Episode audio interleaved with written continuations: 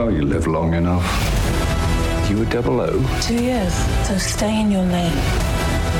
What is it? You don't know what this is? Oh my god. Who is he?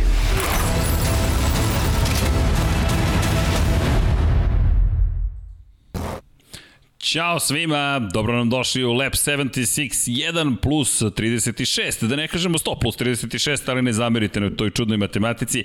Broj 136, sve ćemo vam objasniti zašto ova promjena. Juče smo imali 130 plus 007, ali cenim da vam je jasno, s obzirom na činjenicu da su tu agenti 076 i 0076, pošto smo svi agenti 0076, a 00076 je negde u akciji, pretpostavljam, gospodin Naravno Pavlo Živković, desne strane Dejan Potkonjak i ekipa koja je juče bila... Jesi mi dobro?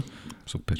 Bila juče na premijeri, ipak je prošlo i ono što smo planirali u budućem vremenu kako treba, tako da ukoliko ste gledali prošlu emisiju, 100 plus 30, ne, 100, 130 plus 007, dok pohvatam koji su brojevi, mi smo imali obaveze poslovne, kao medijski partner Jamesu Bondu, tako da zanimljiv je ovaj trailer, moji neprijatelji su postali tvoji neprijatelji, kako se to desilo, imam jednu ideju i tokom ovog Moto Grand Prix podcasta o čemu bih pričao, čiji neprijatelji su postali njegovi neprijatelji neprijatelji, kako se to desilo, vi odgovor isti.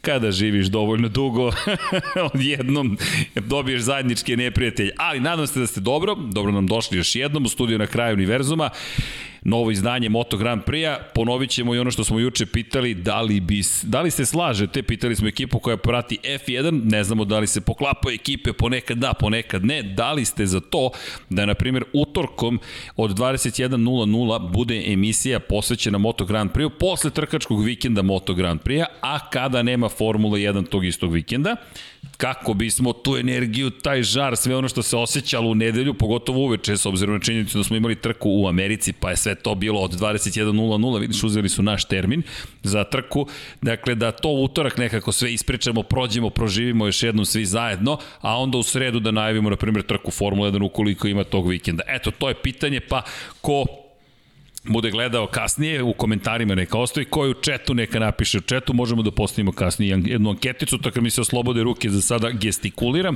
pa ćemo onda to da učinimo, ali eto, nadam se da ste dobro, mazite se, pazite se i Naše roze majice otkrivaju mesec u kojem se nalazimo, mesec oktobar, mesec borbe protiv raka dojke i povećanja svesti o tome da je prevencija veoma važna, ne samo kada je reč o raku dojke, već prosto ovaj mesec je tome posvećen, ove boje su u skladu sa time i podsjećam još jednom, Da, ponovo radi bioskop, shop radi, tako da znate kogod kupi ove roze majice, taj prihod odlazi u dobrotvorne svrhe. Uglavnom ćemo tokom oktobra gledati da to učinimo kada je reč o već raku dojke sa nekom organizacijom, vidjet ćemo, Dom Pablo će to već da osmisli, pa tamo social media ekipa, Irena, Vanja, ne znam ja ko će sve da učestvuje u tome, Dom Pablo, naš duhovni vođa, spiritualni lider, totem će nam odrediti čekaj, čekaj, neki, čekaj, to je Vanjina poza koju si sada zauzeo, ali to iz 99 yardi, u svakom slučaju, da, shvatio se omaž, za one koji ne prati 99 yardi, pogledajte, američki futbol je u pitanju, petkom od 21.00, uhu, za dva dana će biti takođe zanimljivo. Pričat ćemo o Moto Grand Prix, večerašnji uvod neće trajati pola sata, čuli smo vas, ne brinite, ali takođe moram nešto da kažem. Ljudi koji gledaju jučerašnji podcast, to smo mi. I to je potpuno iskreno, to je ono što smo mi. Ovo nije klasična studijska emisija, pa košuljica ima. Po ne postoji ta neka kao košuljica koja se pocepa na početku i sve ode nekim svojim vodama. Zašto? To smo mi. Neki prijatelji koji su seli za sto i pričaju Formula 1 Moto Grand Prix. Mili i Vanili juče su bili raspoloženi, Sili je to iskoristio i sve je otišlo dobra ga što kažu, tako da šefe, sve je bilo u redu juče. Pogledajte ukoliko niste toplo preporučeni 130 plus 007, priđite mu s dozom malo drugačijeg pogleda na svet, ali zar to nije lepota ljudi svega da malo bude ponekad drugačiji, nije to bio plan, ali Deki je došao mega raspoložen, pa je trajno mega raspoložen, on je upao u bure raspoloženja kad je bio klinac i prosto je raspoložen, a ja sam očigledno raspoložen i inspirisan nečim, ali ne znam čime. U svakom slučaju, učinite nešto lepo, učinite nešto humano, pošaljite 917 na 3030 ili human 917 na 455. Kad vas već zasmejavamo, neka bude zabave, a u tom duhu udrite like, udrite subscribe i čućite sve ono što se događalo na snazi kota. Imamo i oprečna mišljenja, to mogu odmah da vam najavim, a pričat ćemo o tome kako izgleda jedan veliki šampion na, na svojoj stazi. Šerif Marquez, inače pogrešili smo, nije kapetan Mark, nego komandant Mark. Nismo pogrešili, to je namerno tako je A to je namerno bilo. Da. A mi i mene se izbunio, da, da, onda moram da ti priznam. Da. Dakle, šerif Mark, ali sada možemo da kažemo šerif Marquez, odbranio je Kota Koral, došli su novi razbojnici, odmetnici, novi šerifi, zamenici, međutim, Jedan čovek se pojavio, vidjet ćete posle šta je sve učinio i objasnio je da je Kota i dalje ostala. Neko me citirao pozdrav na, na, na Instagramu, ni ne znam kada te stvari izjavim tokom prenosa, posle to tek shvatim, ali da sam rekao, vratilo se vreme kada morate u kalendaru ko pored Kota da upišete ime Mark Marquez kao pobednik. Da, vratilo se to vreme ali nije to sve što smo mi videli juče. Pričat će vam pogotovo Dejan šta je sve video tokom te trke. Imamo priču ozbiljno o šampionatima. Fabio Quartararo na Yamahi, spektakularan, inače Mark Marquez, da ne zaboravim za one koji možda ne znaju, koji su prvi put sa nama, vozač Repsol Honda, fabričke ekipe Honda, pobedio, još jedna, sedma pobjeda za Marka Markeza u osam trka, jedan pad u karijeri ovde, jedan poraz suštinski, nije osvojio ni pol poziciju, prvi put u karijeri bio briljantan, Međutim, Fabio Quartararo na Yamahi, ja mislim da je izvukao i više nego što je moguće, iako to zapravo nije moguće, ali to je tako izgledalo i ako nije pobedio, odneo jednu vrstu pobede kada je reč o borbi za titulu šampiona sveta. U Moto2 klasi ozbiljna drama i velika prva greška Remija Gardnera, četiri trke pre kraja, samo devet poena između njega i Raula Fernandeza, tamo se Ne, nije se zakovalo. Tamo je, oh, tamo je možda i ručak pripremljen Raul Fernandez kao vri, kuvar, vri, vri tamo i bit će uzbudljiv, mega uzbudljiv. Inače, za dve nedelje se tek vraćamo ponovo na stazu, mala pauzica i nadam se da će ekipa biti na stazi za Mizano. Imamo potvrde, ali s obzirom na pandemiološku situaciju ne znamo da li će se nešto promeniti u kontekstu toga da li je moguće otići u Italiju ili ne.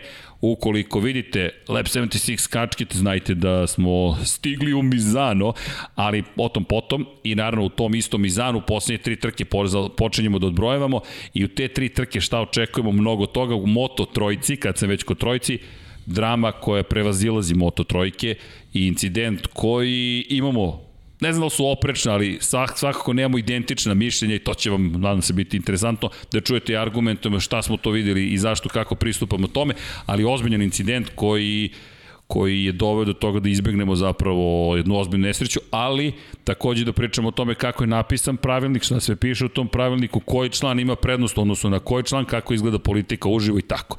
To će sve biti večeras, pa polako da krenemo, inače neću zaboraviti Patreone, sve naše pokrovitelje, s obzirom na činjenicu da smo vam zahvalni, sve više ljudi i hvala vam na tome i potrudit ću se i rekao sam do nove godine čitam sva imena, a posle toga ne znam šta ćemo da radimo ako nastavi ovako da se širi broj ljudi, možda snimimo matricu pa pustimo, pa onda možete da vraćate i puštate napred nazad, ali hvala vam.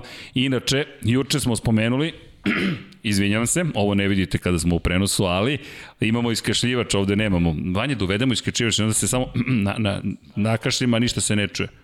Nema šanse. Kod Vanje sve autentično. Da, inače Vanja, hvala za sve. Juče smo se, juče me Vanja isprozivao sjajno i hvala što si učestvovao, ulepšao si još više emisiju. Elem, da se vratimo na priču o Aleksu Albonu. Imamo novog pokrovitelja i zove se Alex Albon, tako se čovjek potpisao, tako da hvala nekome ko stoji. Pretpostavljam i za pseudonima Alex Albon, u suprotnom će se zabrinuti ozbiljno za celu situaciju. I pridružio se Max Verstappen. I ono što je zanimljivo, pre nego što je emitovan Lab 76 se pojavio Max Verstappen među pokroviteljima. I tako. Kasnije ćemo pročitati sva imena. Kad dođe Helmut Marko, bit ćemo na konju. Sada.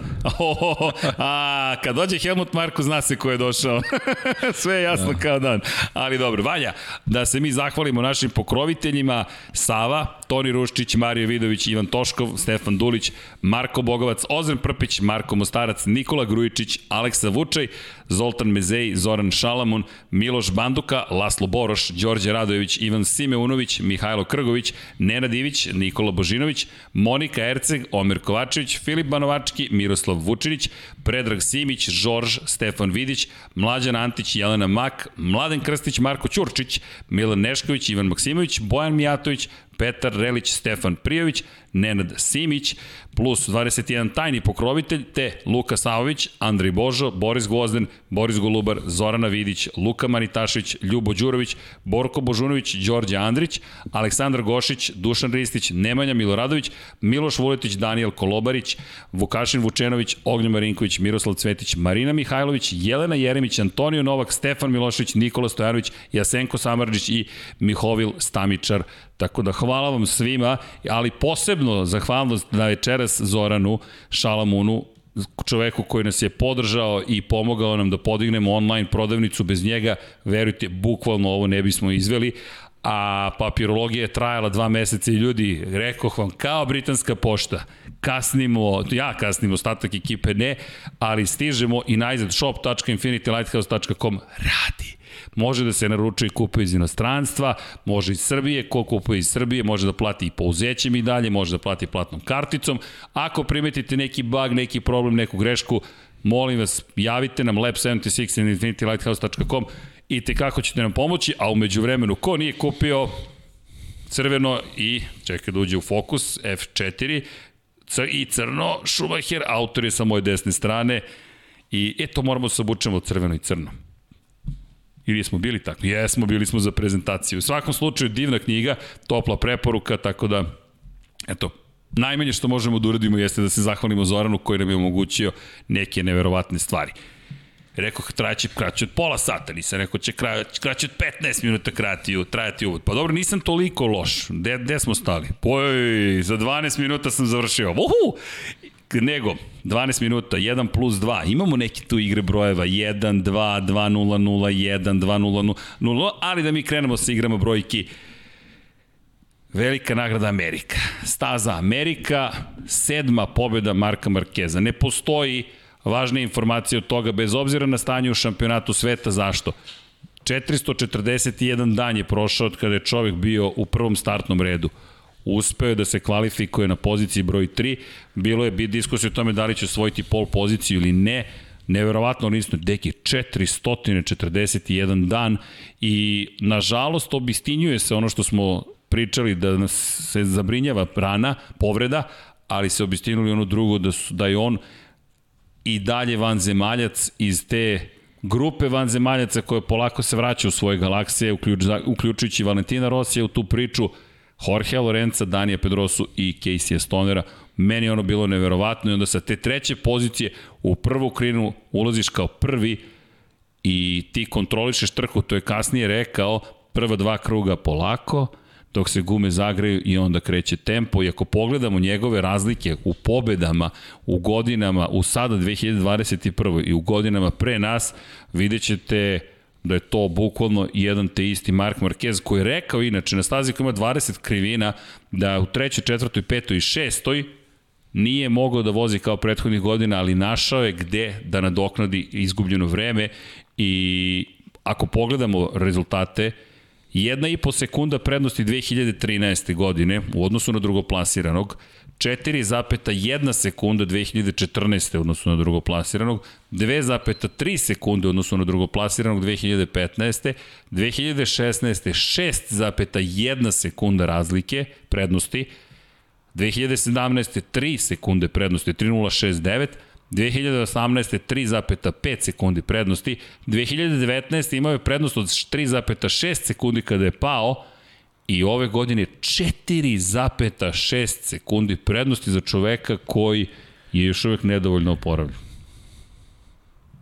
Nije jedan od komentara je bio, ne jedan, zašto smatram da će Marquez ovde biti šerif. Mislim da je on odgovorio, da nema potrebe ništa da odem na to ljudi, apsolutno ne postoji nikakva pristrasnost, verovatno ću još 20 ili 10 godina slušati kako sam pristrasno prema Marku Markezu, I to je okej. Okay.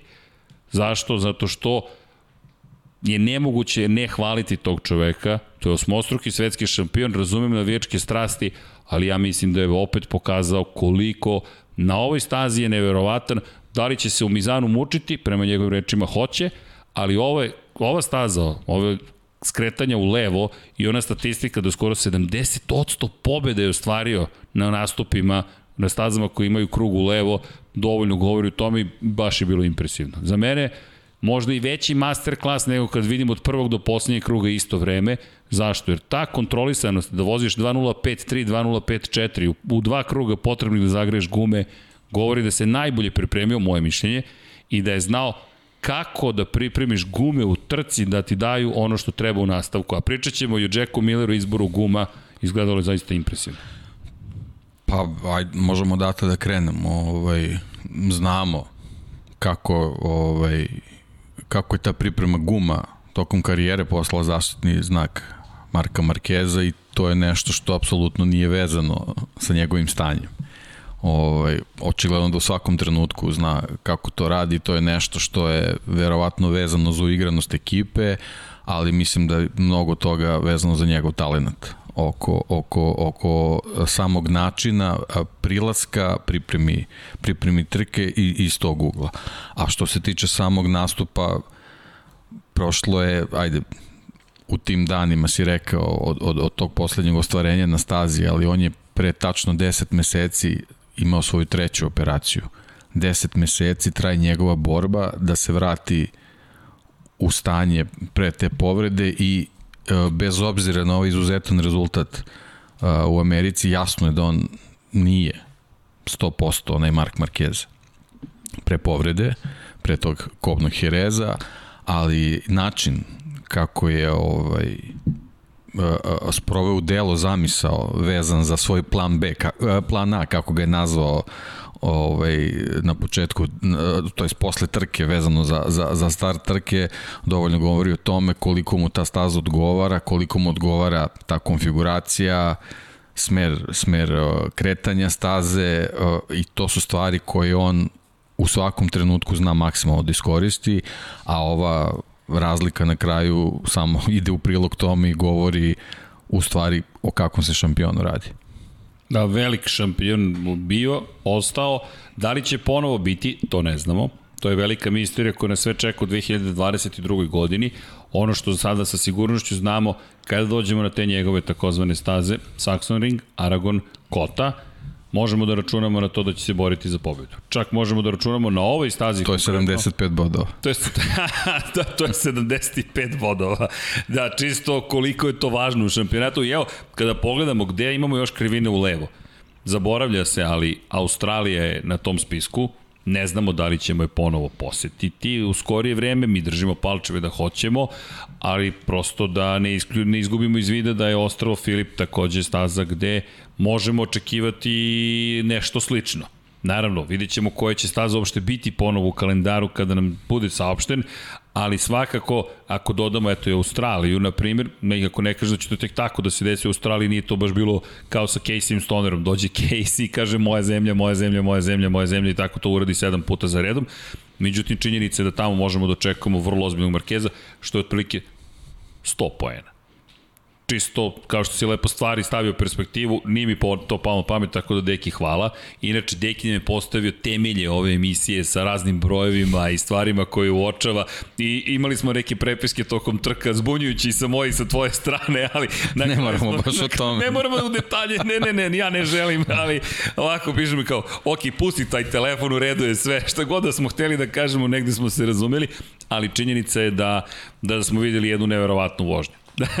Ne, ne, vožnja je stvarno bila impresivna i još jedna stvar, čisto kao eto, eto zapažanje, ovaj, kad se napravi lista vozača uh, ove godine koji su pobeđivali, Mark Marquez je u grupi onih koji se nalaze odmah iza Fabio Quartararo. Da, višestruki pobednik. Višestruki pobednik, da, količina padova je ogromna, ali višestruki pobednik, slobodno deki, pa vidi autente. Ne, to je, to je. Autil, to, to, to, je, to, je, to je, Vanja krije, ali to je nam je, pokaži slobo, Vanja smo pokazali 99 yardi.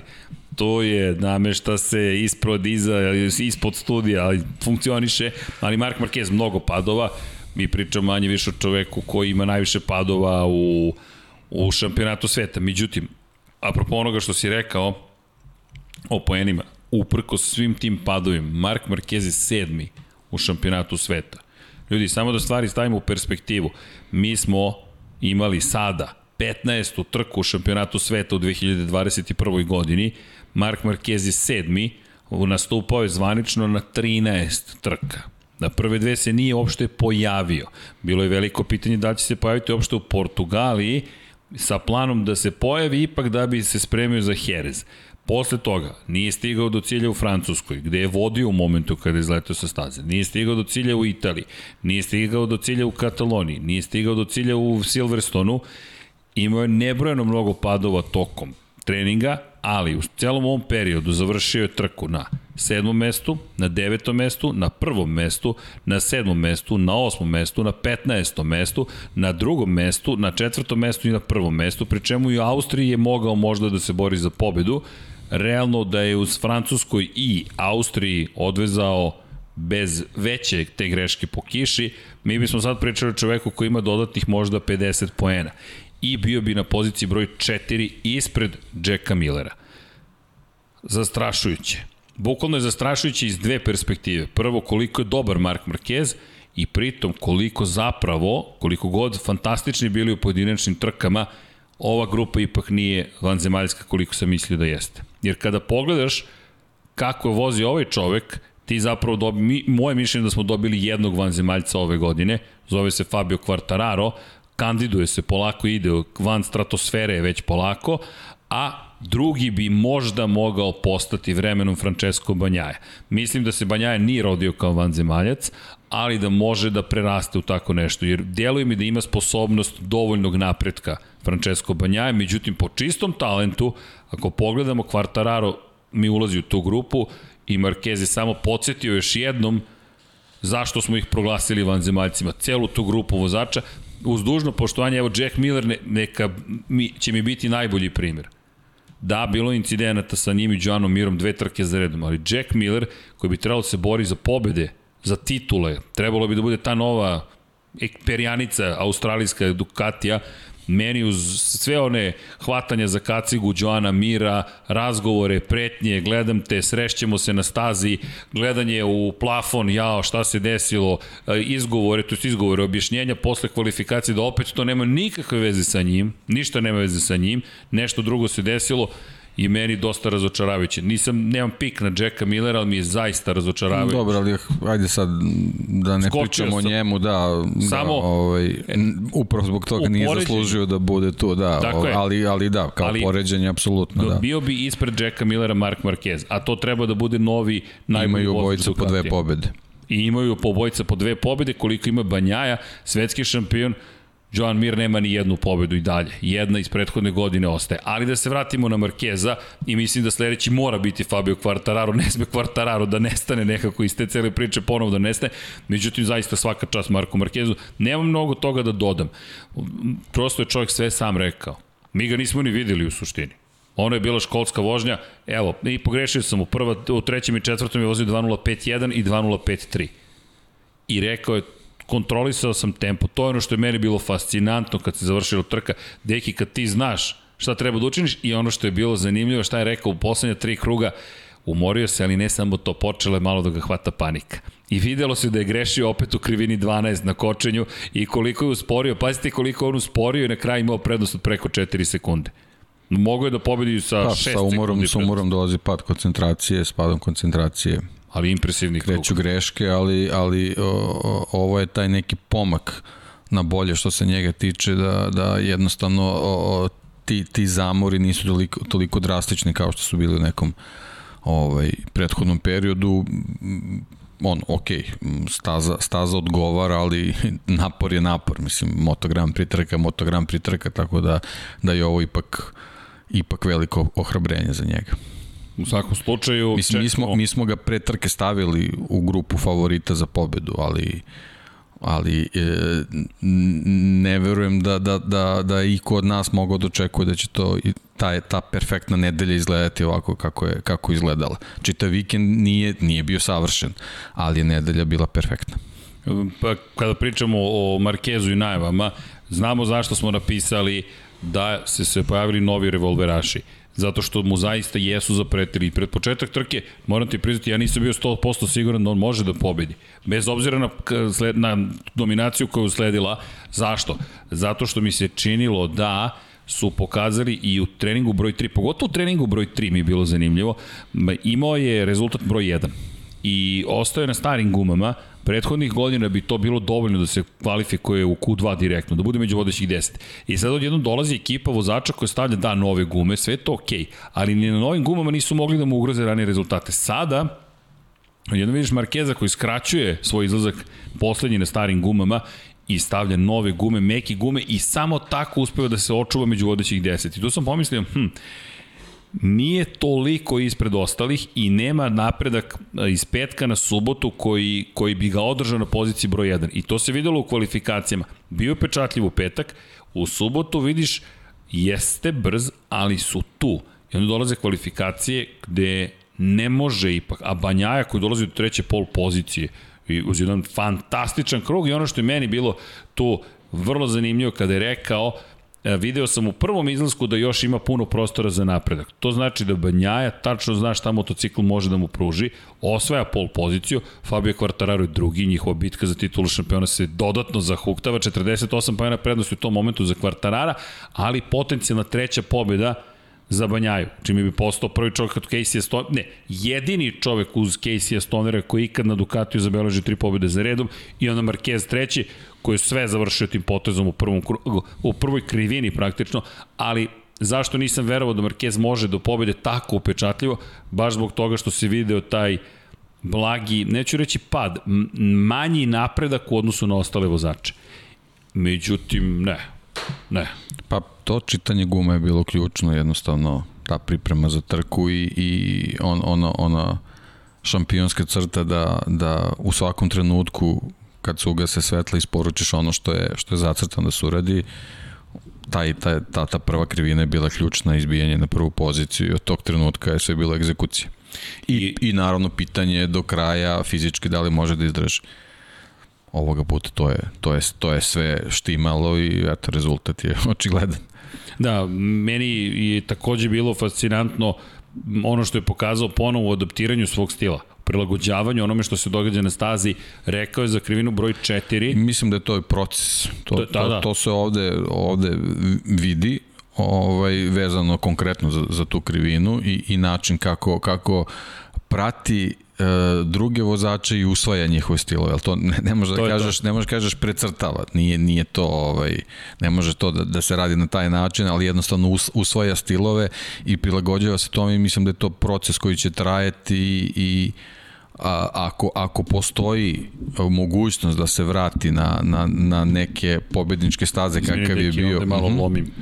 Samo polako. To, to. Ako postoji mogućnost da se vrati na neke pobedničke staze pre, e, pre, pre pobede, onda će to biti ta mogućnost da, da ovaj, svoj stil vožnje prilagodi svoje, da kažemo, zdravstvenoj situaciji. Da, da napomenemo za one koji eventualno ne znaju, u krivini broj 4 je pratio Francesca Banjaja, u krivini, pratio ga svugde, ali je rekao konkretno šta je Banjaja radio u krivini broj 4, sam shvatio da mogu da usvojim. Mnogo je skraćivao zapravo krivinu i prelazio preko pasice, preko ivičnjaka i rekao je to je stil koji možda neće, do, pazi sad ovo razmišljanje, neće mi doneti možda unapređenje vremena, ali mnogo manje moram da se umaram dok prolazim kroz krivinu broj 4 kako bih postigao to vreme. Da, pa to je ono, naš utisak o nekom atipičnom Markezu, jer mi ga svi vidimo kao jednog agresivnog vozača koji možda u nekim situacijama ide malo, malo tvrdoglavije ovaj, nego, nego što bi trebalo, ali upravo ta analiza prilagođavanja stila vožnje u, u, u Teksasu govori u stvari koliko on koliko je u pitanju jedan, jedan računar i, i, i čovek koji, koji u svakom trenutku vrlo dobro zna šta radi. Čekaj, izvini, nešto mi pade na pamet. Ima ovde neko poglavlje, ako se ne varam, Terminator u kokpitu, ali dobro, pročitajte. Slično ste, možda i nađete, nekto da vam otkrene šta piše u knjizi, ali bukvalno to da. je to. Samo što nije kokpit, nego je za upravljače motocikla. Da, i 99 i lom noge. To je to. Lom noge, sada ruka i šta može posle toga da se desi? Drugačije, ali paralele postoje. Paralele postoje i sa Rosijem. To su ti velikani i ono što je Marquez rekao kada je reč o tempu u trci.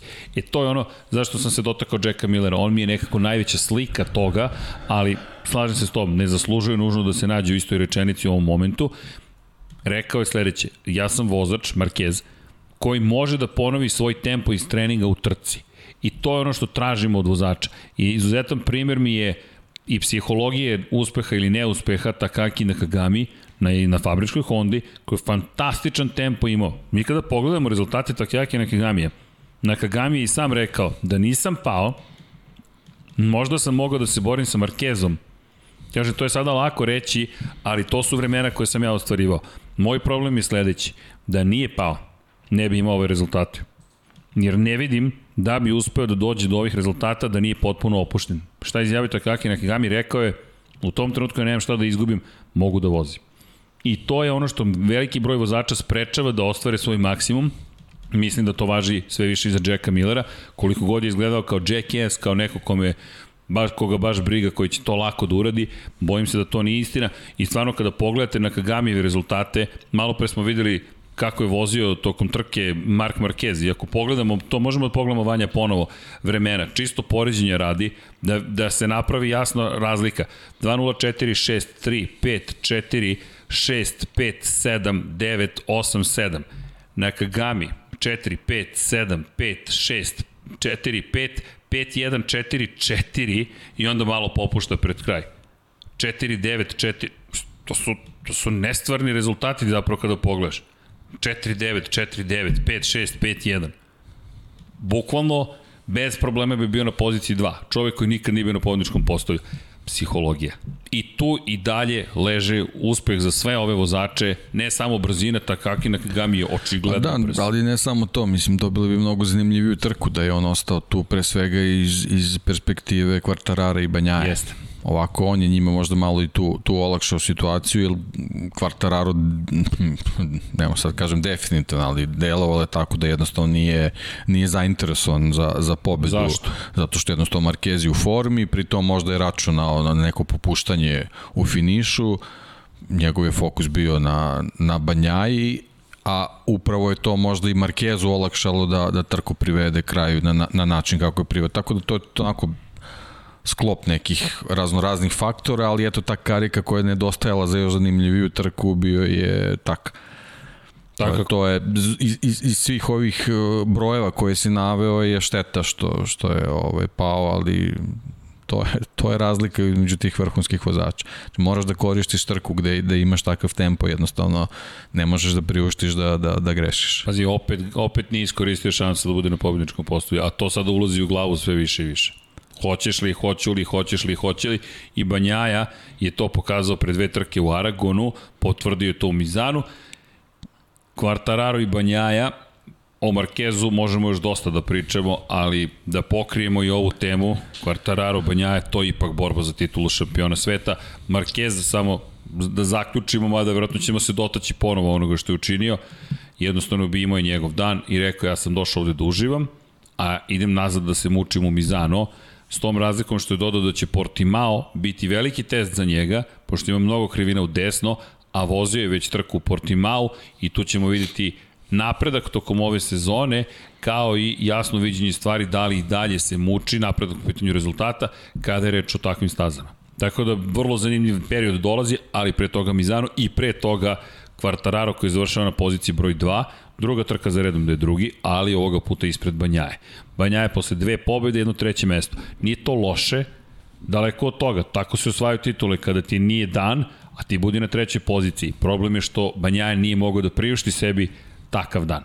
I to smo videli Banjaje koji je nestao u jednom trenutku I opet ću se dotaći Jacka Millera, moment kada Jack Miller se okreće i propušta Francesca Banjaju dosta je glasna bila reakcija svih i na, na, ja moram priznati da nekako, da li sam možda indisponirano posmatrao sve što čini Jack Miller u tom trenutku, nisam imao neki ozbiljni problem sa time, iako mi smeta moment što to može da stvori sada priču u kojoj šta sad to znači. Jel, da li treba je Nea Bastianini sada da se skloni ili Jorge Martin ili Ne, koga ja, da se pojavi? ja isto apsolutno nemam nikakav problem sa, sa tim manevrom, jednostavno ako nemaš tempo, a timski kolega ga ima, ja, i to, to, to nije timsko naređenje, to je jednostavno neki, neki zdrav razum i osjećaj, apsolutno nije bilo nikako, nikakve potrebe da, da, da, ne znam, izvodi neki manevar da bi zaštitio poziciju od, od Francesca Banjaja, jednostavno a kažem, apsolutno nemam nikakav problem, mislim nisam čak to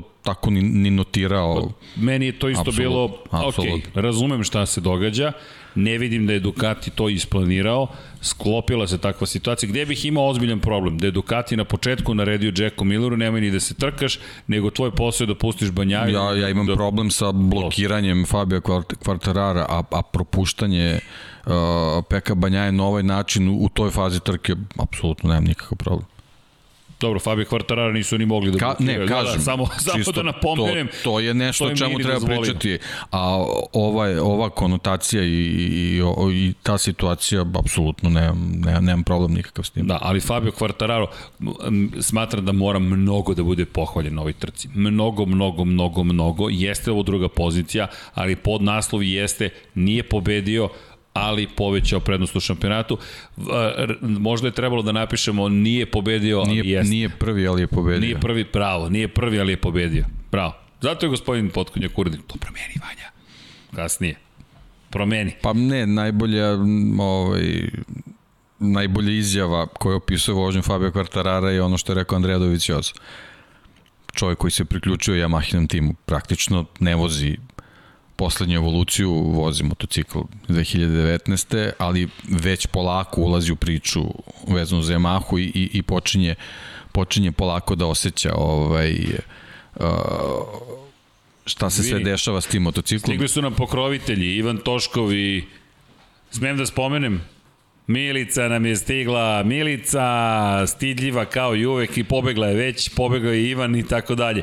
Ali da, to su naši dragi kolegi i prijatelji, kolegi, čuj, to su nam prijatelji i pokrovitelji. Vidite, kod nas oni koji rade, kod nas plaćaju da rade.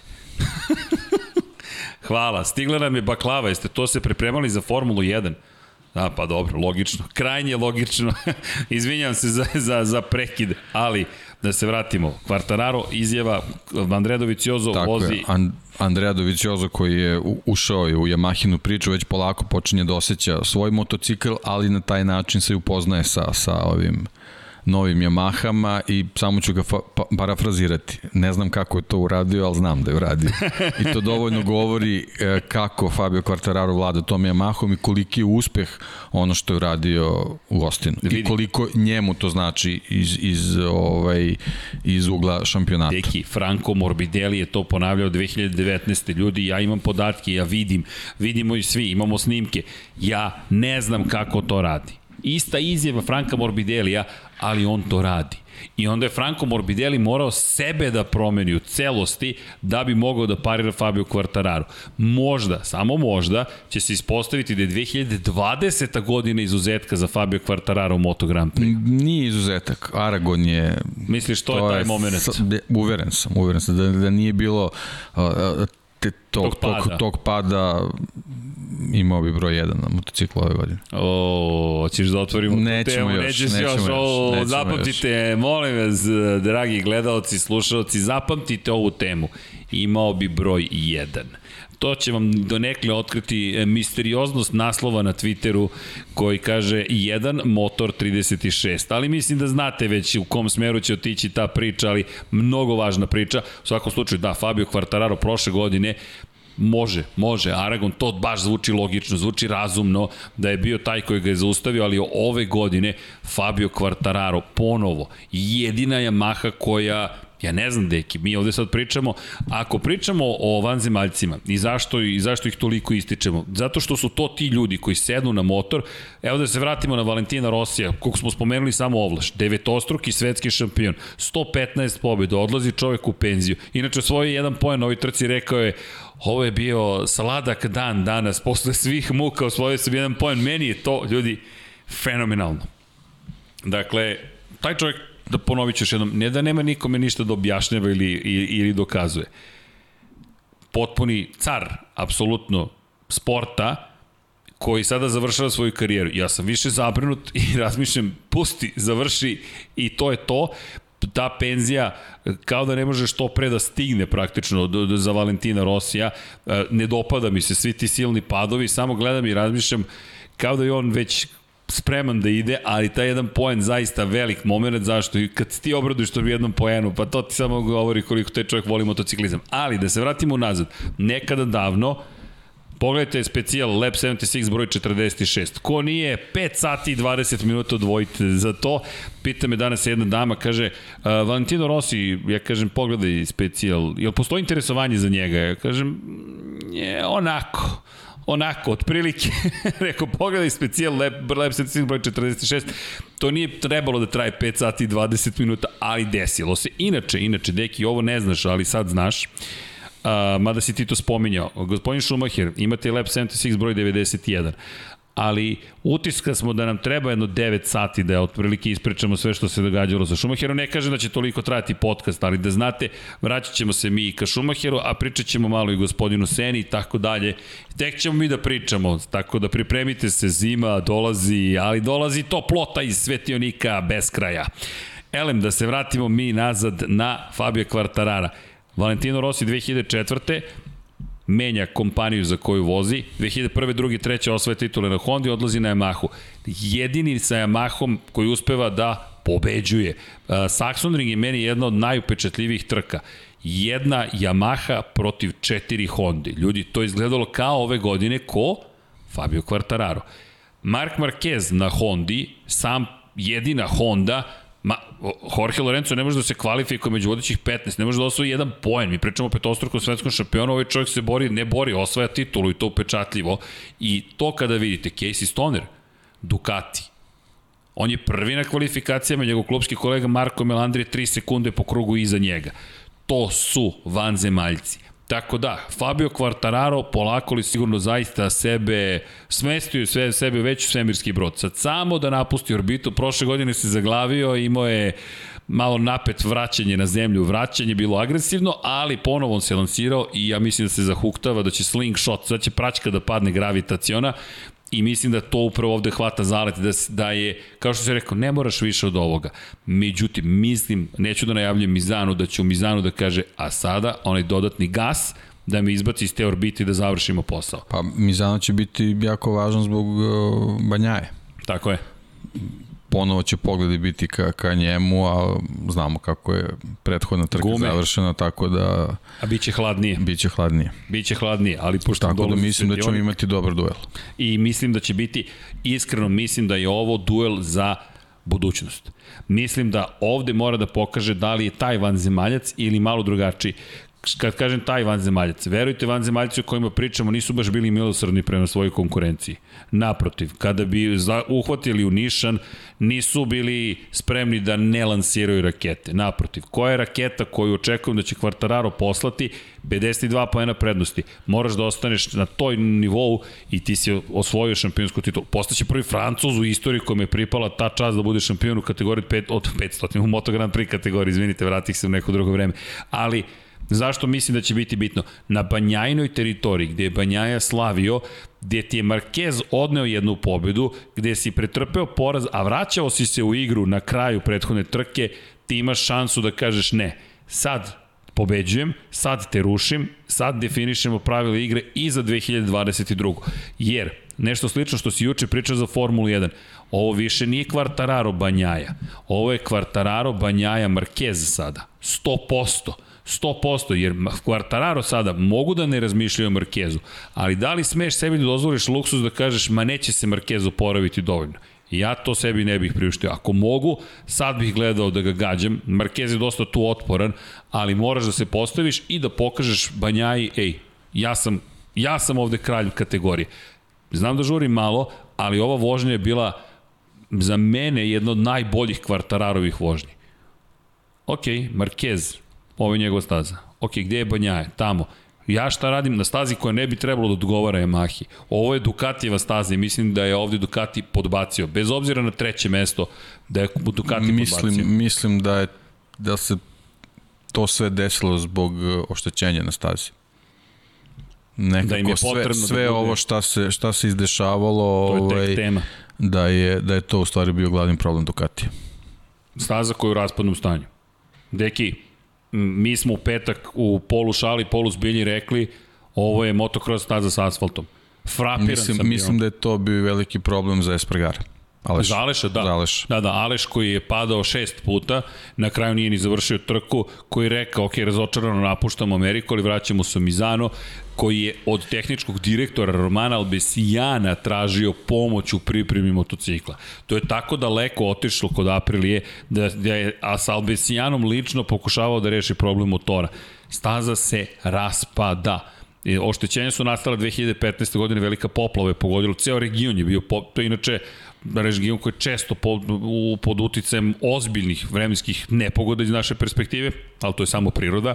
Koliko god nama delovala zastrašujuće uragan, nažalost tamo je nešto što je uobičajena pojava. 2015. zaista za ljudsku vrstu tragedija, a staza je manje bitna, ali iz ove perspektive pogođena je staza, oštećenja koje su ispod zapravo asfalta, to su Staze su vrlo kompleksni zapravo sistemi.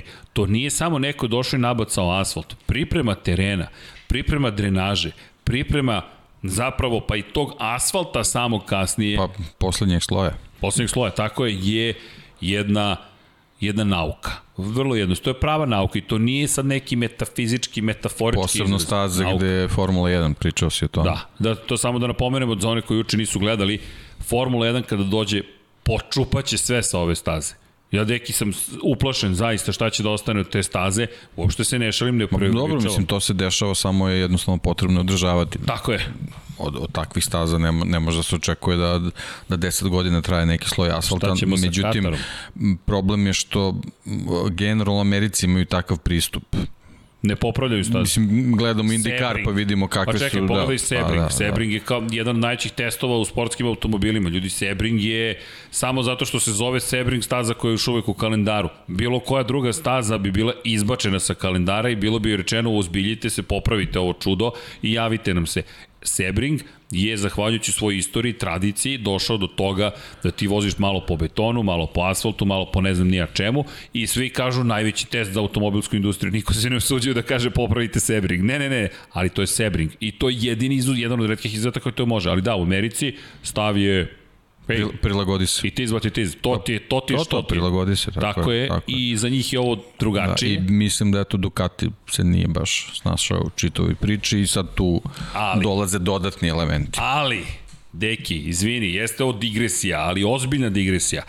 Ako imaš Ducati u svojim rukama, ti ne bi trebalo da onda sa 16. pozicije dođeš na šestu poziciju. Nikako ne bi Ne bi trebalo. trebalo, ja izvinjavam se svim vozačima Ducatija u Moto Grand Prix, ali ako si ti na 16. startnom mestu od 21 vozača, bukvalno to često ponavljam, da uzmeš dvogled da bi video vodećeg i ti završiš na kraju tako što si na poziciji broj 6, a Novajlija si koji cijela rečenica, naravno da je Beštija u pitanju, naravno da je Zver u pitanju, Nea Bastianini, e, ne, ne, ne, ne, ne, ne, ne, vidi, ako ga nemaš u fantaziju, moraš da ga staviš čisto da poštuješ tog čoveka.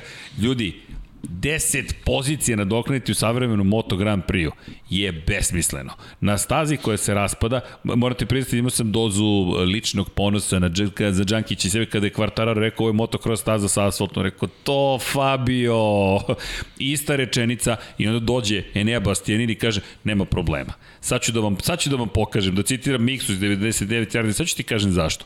Zašto? Zato što je car. Čovjek se spakovao na onaj Ducati i kao da su srođeni, njegov napad nad Polom Espargarom u krivini broj 1, gde je Pol Espargaro nešto vijuga, zadnji točak se podiže, ne može da pogodi teme krivine, a Enea glatko ulazi, dodaje gas, spušta se niz drugu i nastavlja dalje. Nestaje u daljini. Pola Espargaro na fabričkoj Hondi, Enea na privatnom Ducatiju starom dve godine, kome su otpadali delovi u Austriji, bukvalno su mu otpadali delovi, kaže, ok, hvala. I onda gleda kako Joan Mir i Jack Miller ponovo imaju svoju gurku i kaže hvala lepo, još dve pozicije. Osam ih je nadoknadio sam, još dve su mu poklonjene. Sve okej. Enea Bastianini, Pa fascinantan. mi da nisu te dve poklonjene Šta osma loše? pozicija bi bila sasvim ok. ne. Posebno ta serija rezultata. Ma fantastičan, šesti, treći, šesti i pitali su ga baš iz MotoGP-a, kažu kako, zašto? Moraš biti nežan s Moto Grand Prix motorom, moraš biti precizan. I ti sad slušaš klinca koji je tek stigao, koji, kome je nadimak Beštija, koji govori o tome da moraš da budeš precizan i elegantan. You have to be precise. I Enea Bastianini, da nije Marquez onako odvezao, može slobodno da se smatra vozačem dana. Fascinantna vožnja. Ja nemam predstavu šta će Ducati s njim da radi. Još je Italijan u pitanju u ekipi Fausta Gresini, ali ako mu ne daju fabrički Ducati sledeće godine, pa možda je to i bolje, ne znam kako vozi s ovim dve godine starim, to je, to je super fascinantan je Nea Bastianini, čovjek je trenutno 13. u šampionatu, 71 poen, u prethodne tri trke 36 bodova. Tu polovina tih poena u te tri trke, a idemo gde? Za dve nedelje idemo tamo na Vraćamo se. mesto gde se rodio. Majka ga je rodila na, na stazi, bukvalno na asfaltu u Riminiju, ali rekao je drugačiji su uslovi i, i već vidiš da drugačiji su uslovi, vidjet ćemo, bit će hladnije polako. Pa hladnije i vezano je za priču i za kvartarara, kiša i tako dalje i tako dalje. Baš će biti ispit. Jeste, ali Enea meni Znaš izgleda kako na licu. Quartararo, na primjer, ako se vraćamo kod njega, ve, vezano u Naravno, priči naravno. za titulu, ne snalaziš se po kiši i tako dalje, i tako dalje, ali već je bila serija trka po kiši. Ti sad već, ako si šampion, moraš da se Moraš. prilagodiš i toj situaciji. E. E. Moraš i ti da postaneš precise. Pošto si nas to elegantno vratio. Da. u borbu za titulu, šta ćemo sa ako pričamo o tome da ako želiš biti sam- šampion nema izgovora. Ako Banjaja. kaniš pobjediti. Ako kaniš pobjediti, ne smeš izgubiti. Ne, deki, ne, juče si pobedio sa slavni i bogati. Ne, ne, to je kraj, to je kraj. Ne, ne, kraj. Vanili mi, mili mi nedostaje večeras. Ne, ne, Paja Živković. Samo dođe da se zabavljamo ako ništa drugo. Paja, ako gledaš, slušaš, veliki pozdrav. Da, Paja, juče smo Čudno je bilo, snimali smo u 10 ujutro praktično, bilo je zbunjujuće neko napolju. Ja se ne Da. sećam uopšte. dobro, bili smo na Bondu, tako da je to sasvim okej. Okay. E, bilo je dobro. Bond, neko je pitao kako je, ne samo da vam otkrivimo, ali ćemo vam reći sve što se desilo u filmu. Hashtag nije vreme za spoilere. šta je spoiler? Čekaj, jel nije vreme za spoilere na automobilu ili šta, ne, ne Za razumem. stabilizator. Za stabilizatore. Nije vreme, aha, A, ako nije vreme za spoilere, spoilera nema ovde, možemo da pričamo o tome šta se dešavalo u filmu. Okej. Da, samo će moje mišljenje da nije loš film. Eto. Ništa rekao nisam. Juče reče čovjek da sam ko političar. Ju, nemojte, molim vas, bilo šta, samo ne to. Ali u svakom slučaju, kaže, šta je rekao? Pričao je pola sata, ništa rekao. Kako nisam ništa rekao? Toliko lepih poruka. Elem, I oktobar je. I okto... Ja, šta je za dva dana? Šta, va, šta je za dva dana? Jao, pa gde su mi baloni? Gde je torta? Dva dana Pa ne možemo napred. Pa ovo će se prikazivati nekom i u petak. Dobro.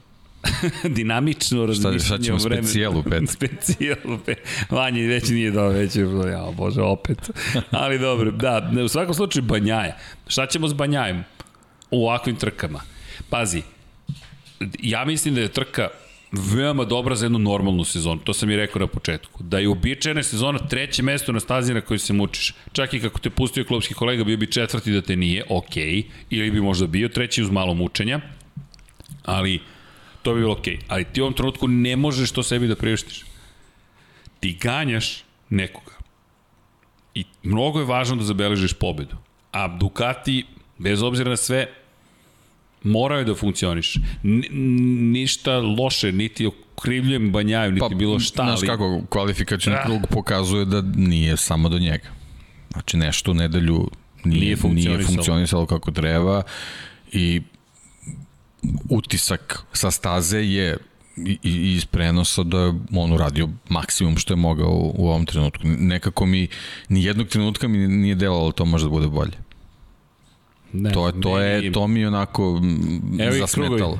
Evo ih krugovi. 2-0-5-6, 5-1, 4-9, 5-1, 6-1, 5-4, 5-0, Ta petica je problem, da, Petica, da, petica. da, da. 5-0, 5-2, 5-1, 5-0, 5-4, 5-1, 5-2, 5-3, 5-5, 6-2, 6-5. Mnogo petice. Mnogo petica. A u momentu kada ti ne, nisu potrebni. Pozdrav za Dragoja Stanišića, inače i za našeg momčila Vukića. Hvala vam ljudi za sve što, što, za sve što nam pomažete. Inače imate pozdrave od Šejle. Kaže Šejla kakvo obeštećenje. Najveće Šejla. Šejla inače za sve koji ne prate podcast Formula 1 inspiracija devojka koja sada radi u Red Bull Racingu i pozdrav za našu Šejlu. Pomagala nam u Lab 76, sad sticamo okolnosti, nema mogućnosti to da učini, ali ali svaka čast. Sanjajte, nije važno sa kojih prostora dolazite, nije važno gde ste krenuli u osnovnu školu, srednju, kako god. Znanje, internet na raspolaganju, pitajte ljude, gledajte Infinity Lighthouse, neka vas inspiriše Sheila, možete da stignete do Ducatija ili neke druge fabrike gde god da želite, ima mogućnosti, eto da Sheila se bavi podacima, pa eto vam ideja. Dakle, i bila je uporna, bila je vredna, školovala se i na kraju predstavila svoje znanje ekipi Red Bull Racinga koja je rekla, ok, mi te zapošljamo, dolazi u Veliku Britaniju. Nice. To su velike pobede šampionske, tako da, Sheila, uživaj. Ali naravno da ćemo ti ispitati na kafi sve što smeš da nam kažeš. Elem, da se mi vratimo na stazu u Koti, Kvartararo je odradio ogroman posao Banjaja. Ne znam, ja tu imam utisak da je da da je bilo suviše važno da bi ovako popustili i ekipa i on nije lako, sebe su doveli u poziciju da moraju da jure savršene trke, ali to je bio taj trenutak. A veći, veći problem za Ducati je globalno gledam, ne, ne vezano samo za, Jasne. za, za Banjaju, nego za, za fabričku ekipu da je Martin je ponovo bio brži od, od Banjaje. Ona čitava glupa da situacija kazni, sa, sa onom kaznom. Da, da. da ga nisu kaznili u direkciji trke da Martin, ko zna gde bi završio. Ali zato ti kažem, moj utisak zaista jeste, bez obzira, doveo si sebe u poziciju da moraš da juriš savršenu trku. Okej. Ali mislim da sad nisi smeo sebi da priuštiš. Bukvalno sad nisi smeo sebi da priuštiš.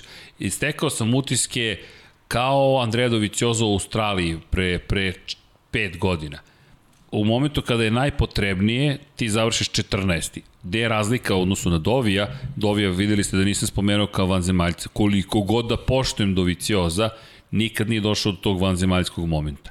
I tu je sad Banjaje tu trenutno. To je ta pozicija. Njegov mora da napravi sledeći korak. Mislim da može. Zašto mislim da može da bude vanzemaljac?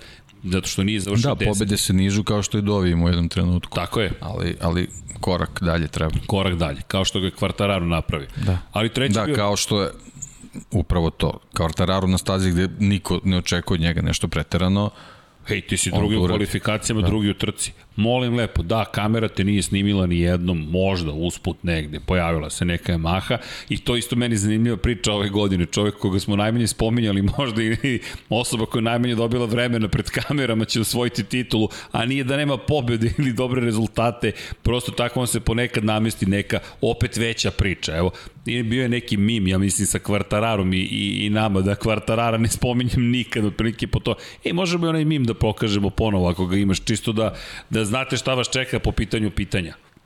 Ali čisto da, da ne zaboravimo taj moment. Ali u svakom slučaju Kvartarara spominjaćemo, nemojte da brinete, pogotovo što sledeći po deki. A ko su... Evo, to je pročitaću. Dakle, ne vidimo slike na audio platformama i stiže moja ruka, ali samo udari jedan high five i vi potonete, ruka viri iz mora. Inače, hvala, Đorđe Radojević i Srki i pitanja sa YouTube četa su mi Čedo, koje držim iznad vode, a pitanja sa Patreona se onako dave, dok pitanja sa društvenih mreža su zaboravljene. da, su, su, su neko izgubljeno blago.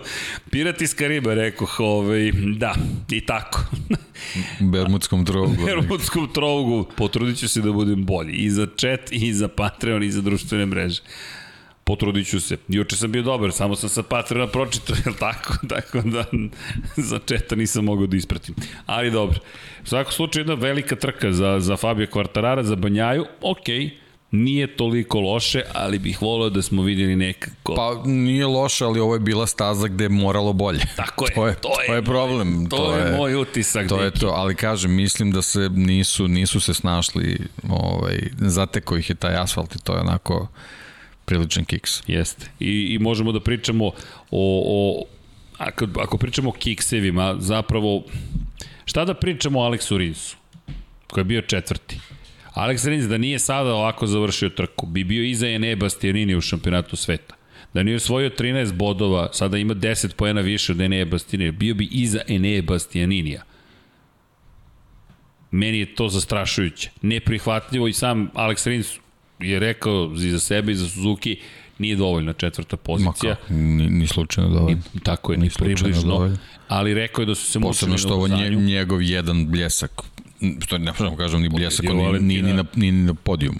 A, a da, u ovoj sezoni, da. Da, da, da, za ovu sezonu pričam, da. A da, da. ovo je njegov, da nije bio na drugoj poziciji u Velikoj Britaniji, ovo je bio njegov najbolji, izjednačeni najbolji plasman još sa druge trke sezone u, u Dohi, to jest u Kataru, kada je bio četvrti, šesti pa četvrti i sada četvrti. On ukupno ima četiri trke u kojima je osvojio više od 10 poena. I ta četvrta trka se upravo desila i to je nešto pozitivno. Ja ponavljam, Enea Bastianini bi bio ispred Aleksa Rinsa da, da Aleksa Rins nešto nije učinio. Suzuki takođe zaslužuje ogromne kritike. Suzuki koji je dozvolio sebi da zaostaje u vremenu kada je to nedopustivo i Suzuki koji i prema rečima Joana Mira i Aleksa Rinsa imao mnogo problema na ubrzanju. Rekli su da ne znaju da li elektronika, problem ili aerodinamika problem, ali jednostavno na izlascima iz krivina mnogo sporiji od svih ostalih vozača. I rekao je da prosto ne može da prati. Ono što je zanimljivo meni, rekao je da je sada, dakle ove sezone, došlo do toga da su svi podjednako brzi u brzim krivinama. I to je se super videlo u krivinama 16, 17, 18. Nagib koji su imali svi motociklisti i brzina kojom su se kretali, Suzuki to više nema prednosti. Pa nema stajanja, radi se. Nema stajanja osim u Suzuki koji je stajao. Da. I to tako izgleda kao da stojiš i Suzuki mi je odličan šlagvord zapravo deki, ako se slažeš, mislim da treba se dotaknemo Johna Mira i vikenda koji je trebalo da bude mnogo važan za Suzuki. Rins koji da li će pobediti ponovo, neće pobediti, poslednji pobednik je ovde bio, Mir koji dolazi i dolazimo do Kevina Švanca. Deki, da prođemo malo kroz našu prepisku, delimično, delimično, Broj 36, ko nije video na Suzuki-u Joana Mira, je stilizovan broj 36. I slika se sa Kevinom Švancom. Kevin Švanc je legenda, američki vozač, koja je osvojila titulu 1993. godine u 500 kubika. To je pandan današnje Moto Grand Prix klase. Legenda. Pedro Acosta, vodeći i dalje u šampionatu sveta Moto3 klase, koji ima 17 godina, je hteo da se fotografiše sa Kevinom Švancom. Zašto? Zato što je čovek legenda. Deki, ja sad zvanično kažem, ovo je stilizovano na konto Kevina Švanca, stiže mi poruka, Srki, kakve veze ovo ima sa dizajnom broja 34 Kevina Švanca. Rekao, Deki, evo ti zvanični dopis, ne znam šta da, ne znam šta da kažem, pošto zva, inače broj kod Kevina Švanca je 3, 4, vrlo jasno kako izgleda taj 3-4, nema nigde stilizacije možda u nekom šampionatu trci izdržljivosti negde nekada i sad nas dvojica potpuno zbunjeni, ja kažem, deki, Tako je. Kako ja se tako? sećam, kako sam ti rekao, čista Helvetica Bold. Mislim, tako izgledao broj. Generalno, u, u tim sezonama takvi brojevi su se nosili upadljivi, vidljivi, uglavnom su bili na žutim podlogama. Mislim, ja, ja pamtim takve brojeve i, i baš sam se zbunio kad sam video da kao postoji neka stilizacija njegovog broja. Po, postoji, ali to je potpuno bizarno u celoj priči, jer mi zapravo ne možemo da shvatimo sada šta se tu događa. Zašto ova stilizacija, zašto u ovom trenutku sa, sa brojevima, pa više mi je broj 42 Aleksa Rinsa ličio na 34, običan broj 42 nego bilo šta drugo. Međutim, ima priča zašto o ovome pričamo. Kevin Švanc, ok, i ti napišeš trke ovo više liči na broj Kenny Robertsa mlađi. Ko je Kenny Roberts mlađi?